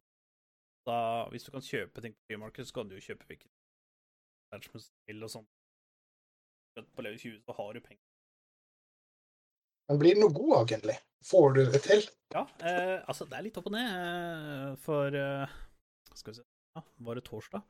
Så spilte jeg på eh, Jack sin stream, eh, shout-out til Jack, og streamen hans er jo Boy Nei, Blitzy Bro Vet du hva, nå er jeg flau for noe. Jeg ikke streamen hans. Nå skal jeg, nå skal jeg faktisk gi det en skjær- så husker jeg ikke streamen hans. Eh, jo, Blitzy underscore boy. Ja, Bro, ja. ikke boy. Bro. Blitzy understrek Mm. bro. Blitzy bro slash understrek boy. OK, Eh, jeg skjønte den. Uansett så spilte jeg på hans stream, eh, og Nei, tirsdag var det. Tirsdag var det. Eh, og da klarte vi alle runsa våre. Alle Ah. missionene vi prøvde å ta, klarte vi. Vi klarte alle runsa. Jeg tjente kanskje halvannen million den kvelden. Bare på runs, uten å selge noe. Og det var jo til og med etter at du nerfa deg sjøl. Var det ikke det? Jo. ja, jeg hadde det største flausen ever på I hvert fall på stream. Ellers så hadde jeg ikke noe facecam. men eh, Ja, når jeg har sagt A, så må jo du si B. ja, er noe med det. Um, og vi spilte, eh, og det hadde kommet en liten oppdatering på Tarkov. Um, jeg tenkte at det var i forbindelse med det, uh, men jeg klarte ikke å få lydvol- lydene til å stemme. Og lyder er veldig viktig i Tarkov. Altså, Mm. lyder er alt. Det er som Rainbow Six Siege. Lyder er opp. Mm. Uh, og jeg hørte lyder kjempegodt, og pointa hvor de var, men de var ikke der. Og jeg skjønte ikke hva Ett run, to run, vi døde tidlig. Tre run, døde. Jeg skjønte faen ikke hva. Så gikk jeg inn bare en sånn skauren aleine for å prøve å finne ut av ting, da. Mens han dreiv om et eller annet på streamen sin. Og så på headsetet mitt så har jeg jo volume adjustments på venstre side her. Jeg skulle gå opp og fikse på volumet. Der var det ikke noe volume adjustments. Men Nei. det gjorde sånn. Da var det volum adjustment foran på høyresida. Ja. Så ikke nok med at det som kom fra venstre, hørte du på høyre øre, men det som også kom bakfra, hørtes ut som det kom forfra. Jeg var jo, jeg var jo så nervøs når jeg spurte, for jeg footsteps hadde øret bak det vanlige, og de hørte jo hørte jeg foran. Og hvis Jack løp foran meg, så hørtes det ut som at det var noen som kom og skulle Og så noen som var skikkelig nære bak, da. Ja. Eh, Det var uh, insane nervepirrende. Og jeg var så frustrert. Men så fort jeg Ja, fiksa men det, eh, så da er alt alt imponerende at det gikk så bra som det gjorde, da. Eh, I og med at du nerfer deg sjøl med at uh, lydbildet ditt er helt Ja, spennende. altså, det, var, det var helt sjukt. Men etter at det ble fiksa, da Da Da var jeg en gud. Da begynte ting å sitte igjen. Mm. Var, eh, da var, det- da var det funny. Men herregud, baseball Altså, jeg har aldri grinet så fælt inni meg. Og Jack lo jo så han grein på stream. Eh, ikke bare av den, men av en annen ting også. Fordi jeg fikk en gunner med Nord-Europas lengste dameleketøy som silencer. Eh, Så det var, det var fun, da. Fun. Men. Escape from Tarkov igjen, spill det med friends. Altså. Jeg syns ikke det er så gøy å droppe inn aleine på det. Nei, nei, nei, helt klart. Altså, hvis, du, hvis du har noen å løpe de venstre med, så eh, synes, så er alt med en gang så vanvittig mye morsommere. Ja. Absolutt. Samme som PubG. Var en gud der i går. Ja, Og så blir jeg med, og så eh, går det bare dritt. Du er for god, vet du. Du er altfor høy. Ja, jeg, jeg er for god. Jeg øker, jeg øker matchmakinga altfor høyt. Det, det er der problemet ligger. Du, Bobberen. eh, Mhm. Det er jo et spill vi ikke Som vi har rett og slett glemt å snakke om. Uh, Ja. Vi har jo spilt league, da. Det har vi. Fortell, fortell, fortell hvordan rank-sesongen din uh, har gått så langt. Uh, Ranked-sesongen min har uh, vært vanvittig opp og ned. Uh, uh, Det har vært mest opp. Du har jo klatra fra starten. Ja, ja, med små modifikasjoner. Jeg vil jo komme med samme unnskyldninga som eh, G2 gjorde i Spring Split, eh, Spring Split om at jeg, misreada metaen litt, Okay, ja. rett og slett. For det er jo en support min. Eh, Du var ikke det på starten? Nei, jeg var jo jungle. Jeg var jo eh, Poppy one trick. Ja. Uh, men det var jo for, uh, Da leser du for å gå veldig bra, tilbake. for det var For, for å gå tilbake, ja, for å gå tilbake, da. Uh, Så jeg jo support main. Men i preseason så følte jeg at supportrollen var så forbanna useless. Egentlig uansett om du vant lane og var fed eller ikke. Um, Det var veldig vanskelig også å videreføre den ledelsen som vi fikk i botlane videre på mappet. Eh, Så derfor hoppa over til jungle, eh, fordi det var på, i preseason en OP-rolle. Og har egentlig vært i sesongene før. Ja, ikke sant. Eh, Så jeg gikk inn som eh, poppy main, lærte meg jungle, eh, og starta å klatre der. Um, Etter hvert så ble jeg også litt lei av jungle, for jungle er til tider ganske repetitivt. eh, Og jeg følte også mye av det samme som jeg gjorde i botlane. Om at hvis du hadde en ledelse i junglen, så var det vanskelig å få lanesa dine frem. um, Hvis de ble gappa i lane. Ja, i hvert fall sånn som Eh. metaen utvikla seg, at liksom Kha'Zix og Nocturne og Kane og sånn Og de assassinene. Ja, Ja, og, og, og midlane var jo også veldig, veldig veldig sterk i starten av, av Spring Split. Så jeg hoppa tilbake til, um, til uh, botlane um, som support. Uh, og veldig mange av enchanterne som jeg i utgangspunktet hadde mena, uh, var veldig, veldig, veldig dårlig. Så jeg gikk over til um, å rett og slett bare one tricky looks, basically. Når Lux ble banna, så hoppa jeg opp på Syra eh, for damage i min eh, Hva det heter? Min rank Mm. er OP. Eh, det, det, det nytter ikke å shielde ADC-en din eh, hvis ADC-en din har negativ damage. Ja. Eh, så for å kunne carry, så, så, så må du rett og slett bare ha mest mulig damage og Lux, og Syra er de som jeg følte eh, hadde det. Og da klatra- så er det Yumi hoppe på andre. Men det er hvis du har ingen pride i det hele tatt, og hele verden hater deg. Ja, ja, ikke sant. Men, men hvis du ikke vil spille Yumi og har lyst til å sette deg i en posisjon eh, som supporter carrier, så, så, så var det de som på en måte eh, var det som vi måtte ha det. Må ha. Og en periode som smurfa vi. Ja. Eh, og klatra og klatra og klatra og klatra. Eh, opp til sølv 2. Eh, men så stagnerte vi litt, og falt ned til sølv 4. Eh, der som jeg er nå. Eh, fordi jeg har egentlig mest lyst til å spille Engage Champions. Jeg elsker å spille Alistar. Eh, Jeg digger å spille Tarek. Dessverre så er det ikke noe spesielt god i meta, men jeg har trent meg såpass mye på det at jeg skal prøve å kjøre det over i solo queue igjen. Ja. Um, fordi det det er de som jeg syns er morsomme. Og, ja, og Leona til dels også, men jeg syns Alistar er mye morsommere å spille enn Leona, fordi Alistar er alltid undervurdert sammen med Tarek. Alle undervurderer Tarek, helt til han 2v1-er, da. Ja, du, har, du har litt mer å gjøre som Alistar, egentlig. Ja, ja, det, det, ja, har, har du prøvd Rell? Fordi at Rell er jo som en Alistar, bare har, du har Altså, det er samme type champion, du har bare litt annet kit. Eh, jo, eh, det, det kan du si, men engagen til Rell er også en del um, En del tregere enn Alistar, eh, så du har plutselig veldig mange counters. En hvilken som helst form for CS stopper deg jo. Eh, og hvis noen spiller under 50 ping, eh, så har de reaksjoner til å kunne stoppe engagen din.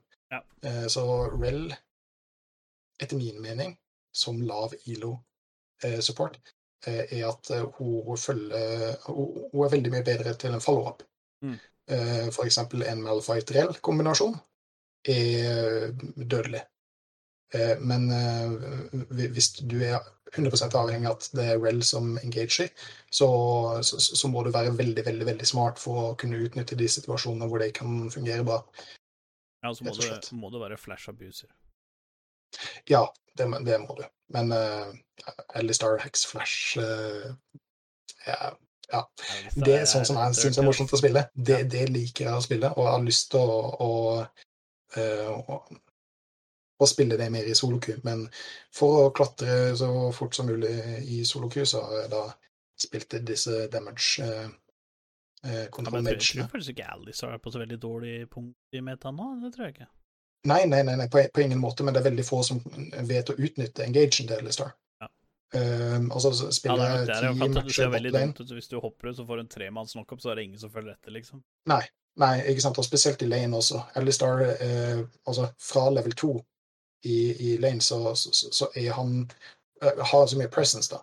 Eh, og hvis ikke ADC-en din vet å kunne eh, matche den presencen din, så, så er du useless. Og da blir du egentlig bare stående der, eller inte, uten å på en måte kunne utnytte noe. Men har du noe som på en måte er litt på, uh, f.eks. hvis du har Raven, så er den vunnet i, i Champ Select, Eller rett og slett. som kan hoppe på med Alistair, på en måte.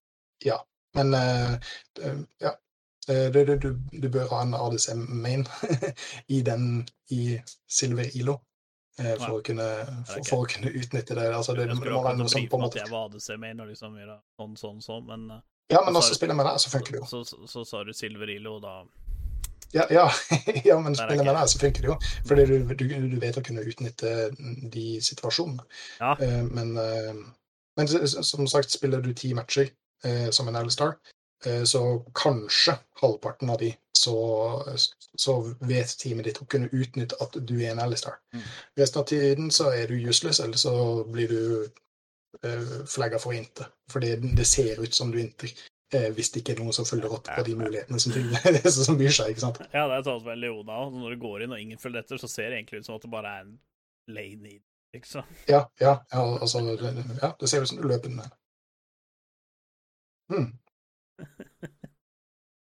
Så det, har vært klatringa mi foreløpig i år. Jeg håper å fortsatt kunne klatre litt mer, men jeg har eh, spilt veldig mye annet sammen med eh, både fire og fem stacks og en del i eh, normals, rett og slett bare for å på en måte bli litt bedre kjent med, eh, med, med limitene til de forskjellige eh, champsa. Så, og så har jo Altså, Per Robert var jo eh, for de som ikke Han var jo manisk kjent for eh, level 3-inten sin. Ja, Altså, altså hvis- hvis det er Ikke- Hvis ikke han hadde daua innen level 3, så vant du gamet. det, det, det, det satt på en måte liksom uh... Det, det hjalp ikke at jeg hadde farma sånn uh, At jeg lå sånn Ja, hva hadde realistisk å gjøre for level 3? Ja. 28 CS foran. Uh, kunne fort bli 30 i løpet av 10 minutter. Mm. CS foran. Men eh, det var liksom, hver gang vi hadde en ledelse, så, så, så kom det en sånn liten hint, da, om det var fra deg eller meg eller begge, eller at vi blei firemannsjenka om igjen, om igjen, om igjen. Vi, vi, vi fant alltid en måte å miste ledelsen vår på. Men Men det er jo, så- det, det, det er jo match up knowledge, ikke sant. Ja, du, du, ja. du må inntil level 3 115 ganger før du har lært dem. Ja. Ja, før, du, før du ikke gjør det. For det, altså, det, det er den eneste måten du kan lære på. Så eh, det, jeg har blitt en veldig mye bedre spiller for det inntil level 3. Ja, ja, ja, det er sant. Du har blitt Mm. eh, Det som er litt kult for meg, er jo det at eh, jeg har jo levela opp nå fem accounts. eller ikke levela opp Ranka fem accounts opp til gold eller høyere. Eller ikke høyere, for alle er jo et gold. For når én har kommet til gold, så har jeg begynt på neste account, og så har det kommet til begynt på neste account. Og så. Litt har jo vært for at jeg måtte jo spille med deg eh, før du kom til sølv også. Eh, så jeg måtte jo ha ganske Jeg måtte bruke flere accounts for å få For at du skulle gå opp til sølv. Og så, når du endelig kom til sølv, da kunne jeg gå opp på vanlige accounts igjen. Og samme har jeg gjort med, med Morgan. Eh, så da måtte jeg være sølv for å spille med den. Så da Heldigvis hadde jeg sånne accounts jeg ikke hadde spilt på på mange, mange år. Ikke det greit? Men men Ja, nå det er greit, så lenge du har i det, så er det greit. Ja, eh, nå har jo eh, Nå har jo Climb to Plat begynt, eh, og det begynte i går med fem strake vinst, så eh, almost there. Over halfway there. Mm. Ja, men det er bra. Men det som er litt kult, Så- er det at jeg har jo havna i gold i alle roller, utenom jungle. Jeg havna i Ja, gold som inn- top lane main. Så, så innen episode 14, innen episode 14, så har du ja, i det tempoet her så bør jeg være diamond til neste episode. Eh, nei, eh, vi skal ha raskere episoder nå. Det har vi sagt de siste fire gangene, men nå skal vi faktisk det. Ja, nå skal vi det. Ja, noe kult da, ikke sant, når vi er live på Twitch og sånn, hvor kult hadde det ikke vært å ha The Guest, liksom. Jo, det hadde vært jævla fett, Det faktisk. Jeg mener, det hadde vært eh, meget stilig. Det er faktisk relativt eh, meget enig i. ja.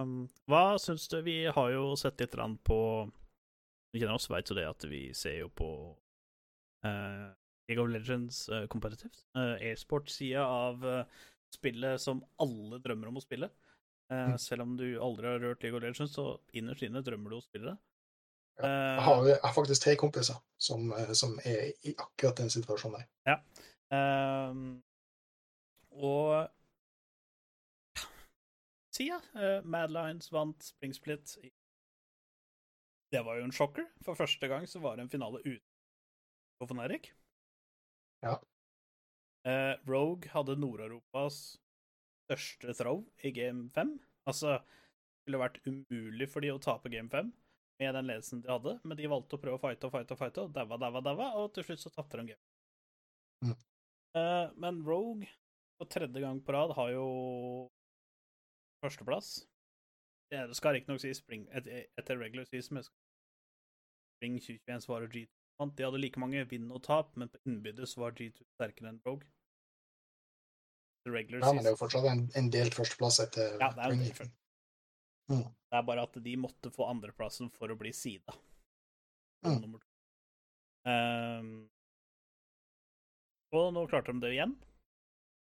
Nå, som, nå har G2 Nå fikk jo G2 andreplass. Uh, så nå er, jo, nå er det blitt satt opp sånn at ehm,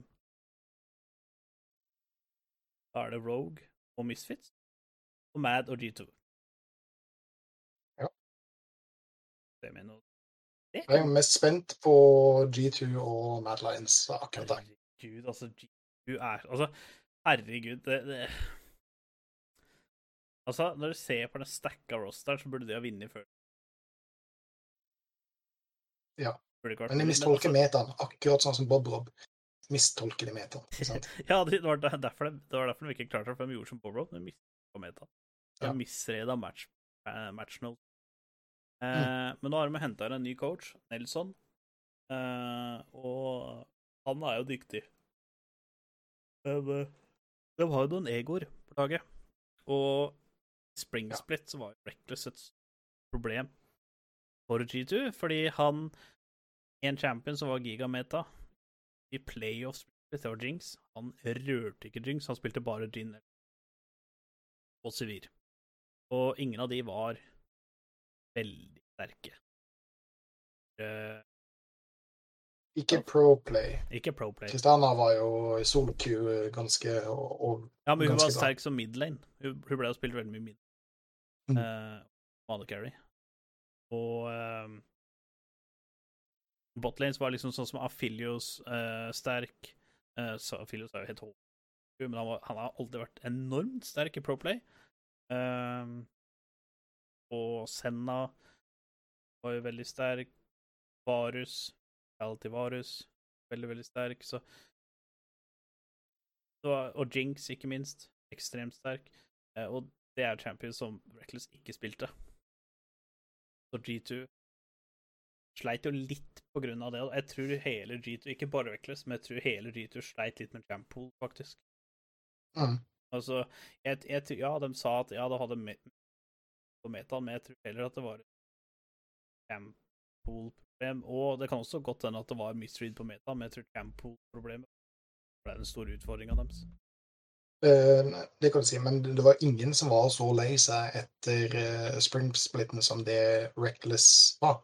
Og Caps. Så Og ja, og Caps, men uh, Reckless var vel kanskje mer uh, offisiell uh, med, med sin tristhet, med, med, med sin sadge. ja. Det, det, det, det kan du si. Mm. Ja, nei, det var det. Det er jo Altså, roster for roster, altså hode for hode, spiller for spiller. G2 skal vinne hver gang. I utgangspunktet skal det, men uh, Mad har jo hele tida vist at de er vanvittig sterke. Så skal det jo sies at Eh. Perks da. Og Perks var jo in, in game leader, shotcaller, eh, strategist for G2. Når det blei borte, da hadde de på en måte ikke eh, Da hadde de ikke noe eh, De hadde liksom ikke noe hjerne. De hadde ikke noe skalle in game til å ta på seg eh, strategier, cheese midgame osv. De hadde ikke det lenger.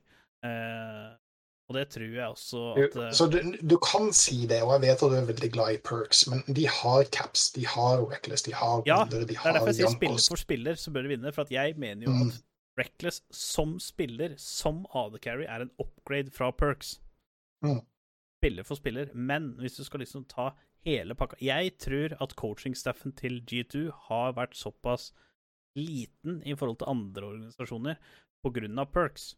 Nå har de ansatt en ny en fordi eh, de fant ut at oi, dette funker ikke. Jeg tror hovedmisreaden til G2 eh, var fordi at de har ingen De har så få folk til å skjønne metaen.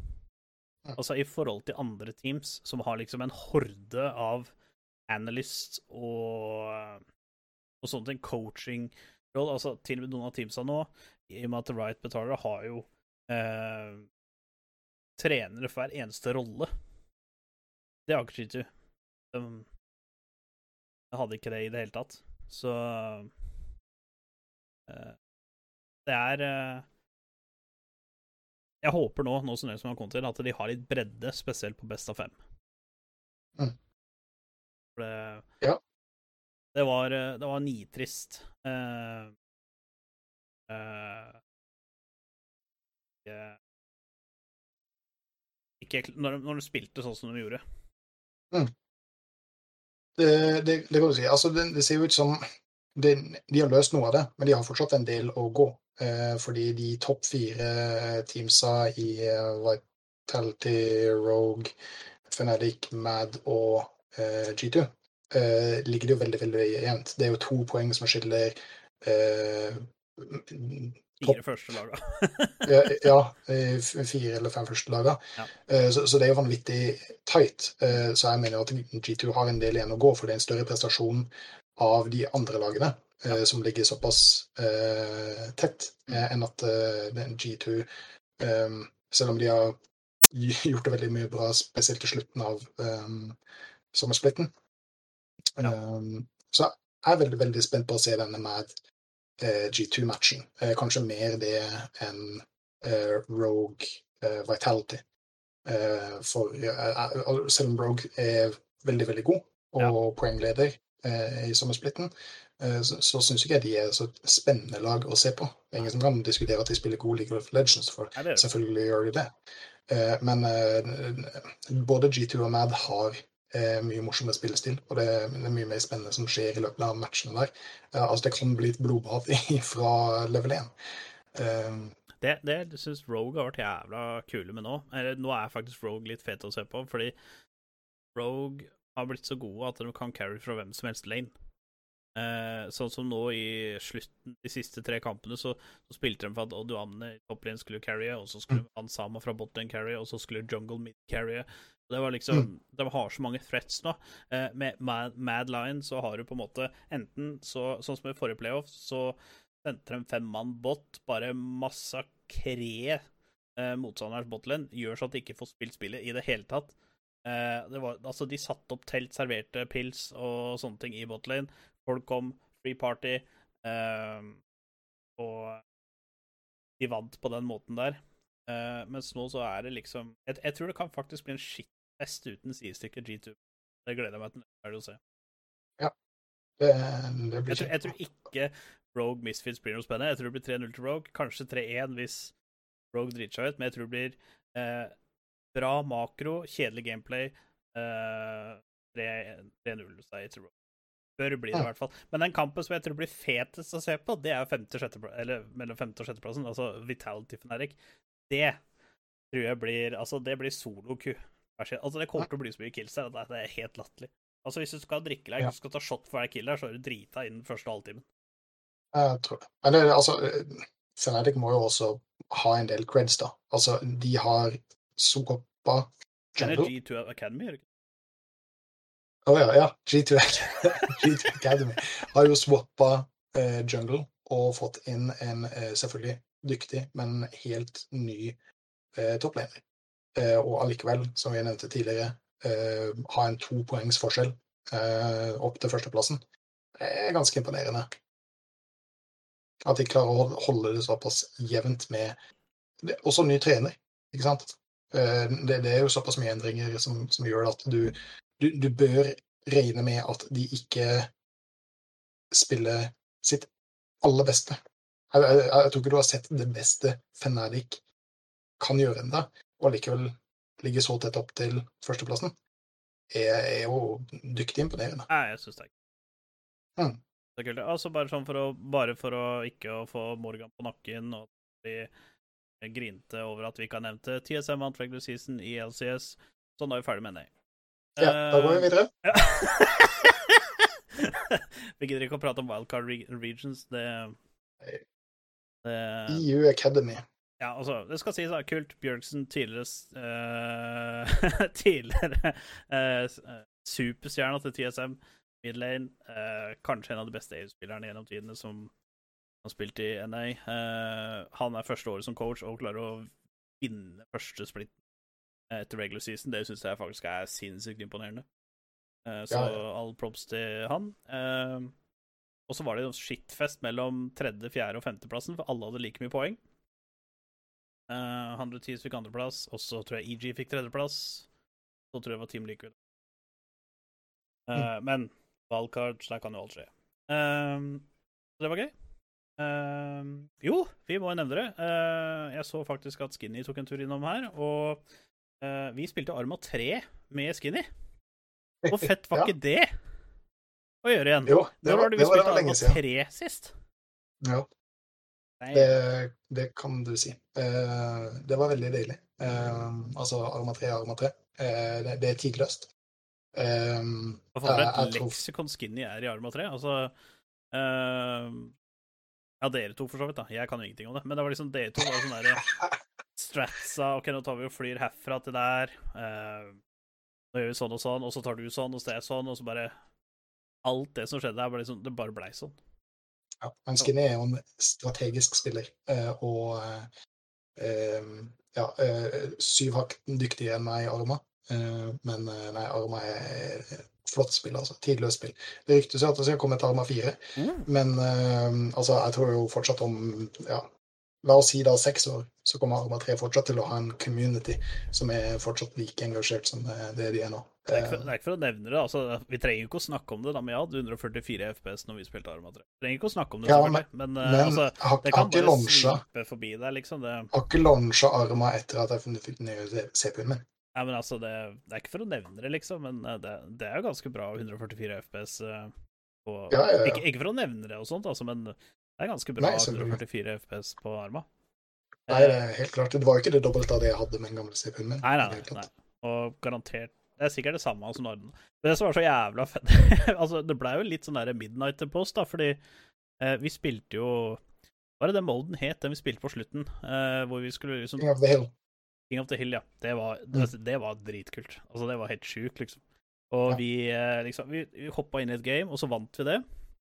Og det varte ikke så lenge, det varte bare sånn 20 minutter eller noe, var det ikke det? Og så tenkte vi ja ja, men da Jo, blir, jo. da blir vi på et game fra starten av, da. Mm. og da var liksom klokka var sånn tolv, halv ett om natta. Ja. Og så brukte vi jo faen meg to timer på å bli ferdig. ja, noen av de rundene der kan bli ganske drøye, altså. Eh, avhengig av hvor kompetitive de er, men eh, ja. Noen Ja, det her var jo sjukt, kan- da. Altså, vi tapte dessverre. Vi burde jo egentlig ha vunnet grishardt, men vi tapte jo Ja. etter et master comeback av motstanderlaget. Ja. Eh, Ja. Av, av 100 fett. poeng så lå vi på 95 eller 97 poeng. Ja, Og de lå på da 36, og så klarte de å vinne. Ikke, ta oss igjen. Det var, det var en comeback. Eh, Så det var flaut. Takk for at du nevnte det, Gunnli. ja, det Det var veldig ålreit. Det var fun, da. Altså, vi hadde det tårnet Altså, det var ingen som klarte å ta det tårnet fra oss. Hadde vi bare vært litt heldige og fått sona på det tårnet, at det var liksom det som skulle captures, så hadde vi jo vunnet glatt. Vi var jo litt uheldige der òg. Fordi det var ingen som tok det Altså, det var mange som prøvde å ta tårnet fra oss, men det var ingen som klarte det. Det tårnet, det var Nei, vårt. helt, helt klart. Så, så hvis det tårnet hadde vært objektet ved hele gamet, som det selvfølgelig ikke er, så Nei. hadde vi vunnet. Ja. Eh, Men eh, det var morsomt å holde det tårnet lenge. Ja, jeg Faktisk prøve å gå etter fader, objectives, legge. Vi hadde det tårnet en time, vi. Ja, jeg tror det. Det var ingen som klarte å ta det fra oss på en time. Det, Det er ganske voldsomt. Så um, gi dere med på Arma. Arma 3, King of the Hill. Ja, det var vært- det hadde vært kult om vi hadde klart å At samle med. nok folk til å lage det custom uh, Arma 3. Mm. Det hadde faktisk Ja, vært er- enormt kult. Det som er med Arma 3, er at det, du kan gjøre så mye. Altså Ja. Bare i uh, Vanilla med den her SUS-moden, hvor du har en som på en måte er, la oss kalle det en, en dungeon master, som legger ut og lager objectives for deg.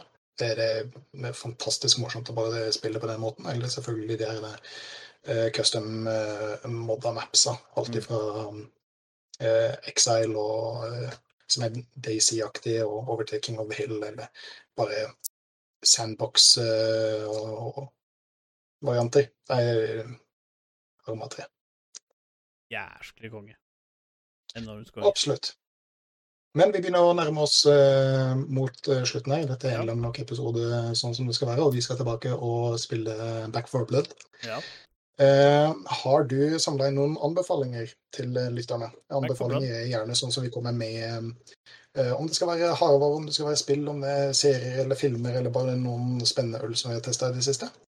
Så har du lyst til å starte, Gunnar? Ja, eh, Black for Blood. Ganske Altså, når det blir lansert, anbefales Altså, jeg tror ikke det blir dårligere enn betaen, i hvert fall. Og da, er det, da er det bare å gunne på. Fordi, fy fader, hvis du drar med deg et par-tre venner og hardcore uh, Back for Blood Altså, jeg tror Back for Blood kommer til å bli så dypt og det kommer til å bli så mye å gjøre at jeg tror det faktisk kan bli et grindspill.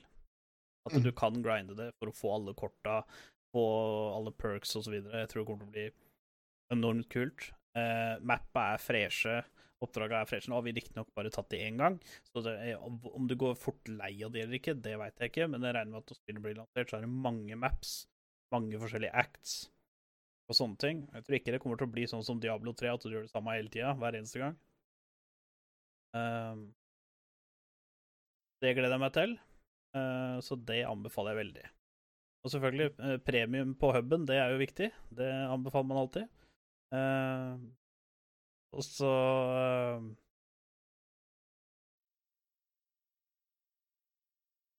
Noe mer å anbefale, da? Er noe mer Jeg har liksom ikke Nei, det er jo bra anbefalinger, det.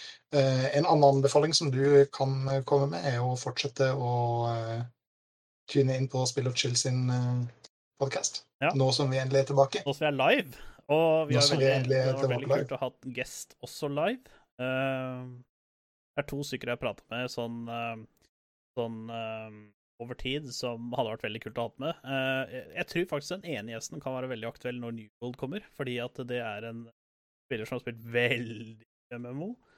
Mm. Og så er det en annen streamer som litt variert som har vært prat med. Der har vi Ja. jo faktisk prata om flere. I begge kjønn. Ja. Det har vært kult å ha med. Hovedsakelig norske. Fordi det er jo en norsk spillpodkast som prøver å fremme norsk spillkultur. Mhm. Eh, så eh, Prate mest mulig norsk. absolutt. Um, hvis jeg skal komme med noen anbefalinger, Er eh, så, har jeg, så er det premium på hub. Uh, det er undervurdert. Nei da. uh, nei, eh, jeg har forsiktig prøvd å bevege meg inn i Onlyfans? eh, Onlyfans-verden. Eh, så der har jeg tre nye bilder liggende ute. Jeg har fa- sakte prøvd å bevege meg inn i anime-verden, Oi! eh, fordi det er vanvittig eh, mye spennende og morsomt der ute. Som eh, jeg har funnet ut eh, er litt vanskelig å på en måte komme seg inn i. Eh, Ja, der er det jo ja, hvor skal du begynne? Ikke sant? Ja, hvor, skal, du begynne? Ja, og jeg har jo tidligere um, anbefalt um, uh, hva, hva heter det? Eh, Dracula. Ja, altså eh, Castlevania. Castlevania eh, har anbefalt på kan, Netflix. kan faktisk dra en anime-episode en gang, og da veit jeg om eh, da, da skal Morgan være gjest, fordi han ja, Han har ja. fylt sine hardiske mann med, for å si det sånn. ja, ikke sant. Men eh, det, og det er akkurat det. Eh, så det finnes masse nettsteder som du kan ta og finne uendelig med mengder med originalspråk anime. Eh, men jeg starta med Castlevania. Uh, Syns det var kjempetøft. Uh, har fått anbefalt et par andre som jeg har uh, startet på. Syns det virker egentlig veldig ålreit, f.eks. av Camera Kill. Um, veldig lett å sette seg inn i. Og selvfølgelig originalspråk, så du må jo overleve det. Uh, men kjempespennende. Uh, en annen som jeg var borti, bare første sesongen som har kommet ut nå, er eh, Dota. Heart of Dragon. Soul of Dragon. Et eller annet sånt. Annet. Eh, også en veldig mer eh, vestlig type anime, samme som eh, eh, hvorfor, Castlevania! Faen, hvorfor uh, forsvinner det ut av huet mitt hver jævla gang jeg Jeg skal si det? Castlevania, Castlevania, Castlevania. Dota, Heart of Dragon. Mm. Eh, veldig mye lik stil. Eh, veldig spennende historiefortelling. Eh, hvis du har noe som helst referanse til eh, Dota 1 eller Dota 2, eh, så, um, så, så vil du kjenne igjen en del av storyen, og spesielt karakterene der. Ja.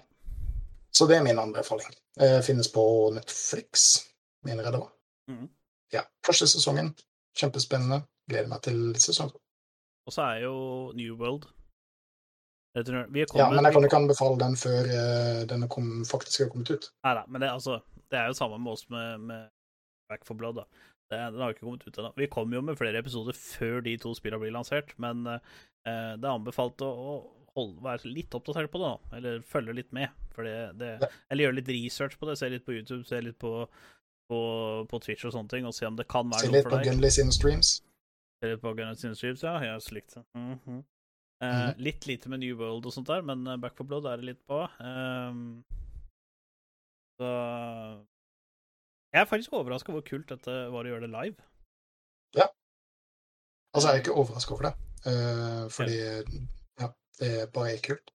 Men jeg er overrasket over hvor bra vi klarte å gjennomføre det. Det var kult.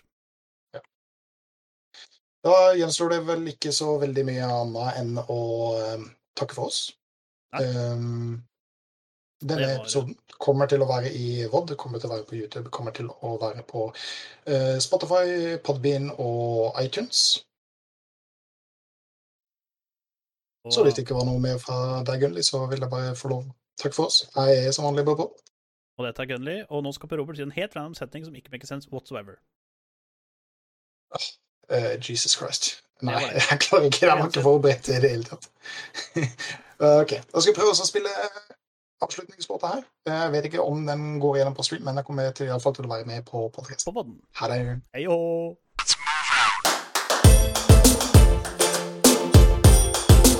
You're good, kid. But as long as I'm around, you're second best. You might as well learn to live with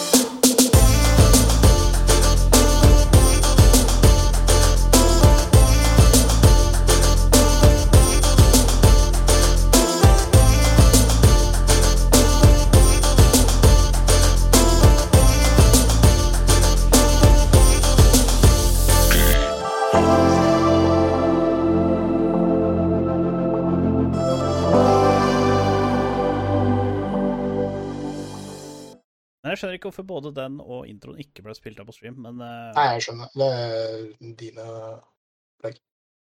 Det er dine opplegg. Men, men.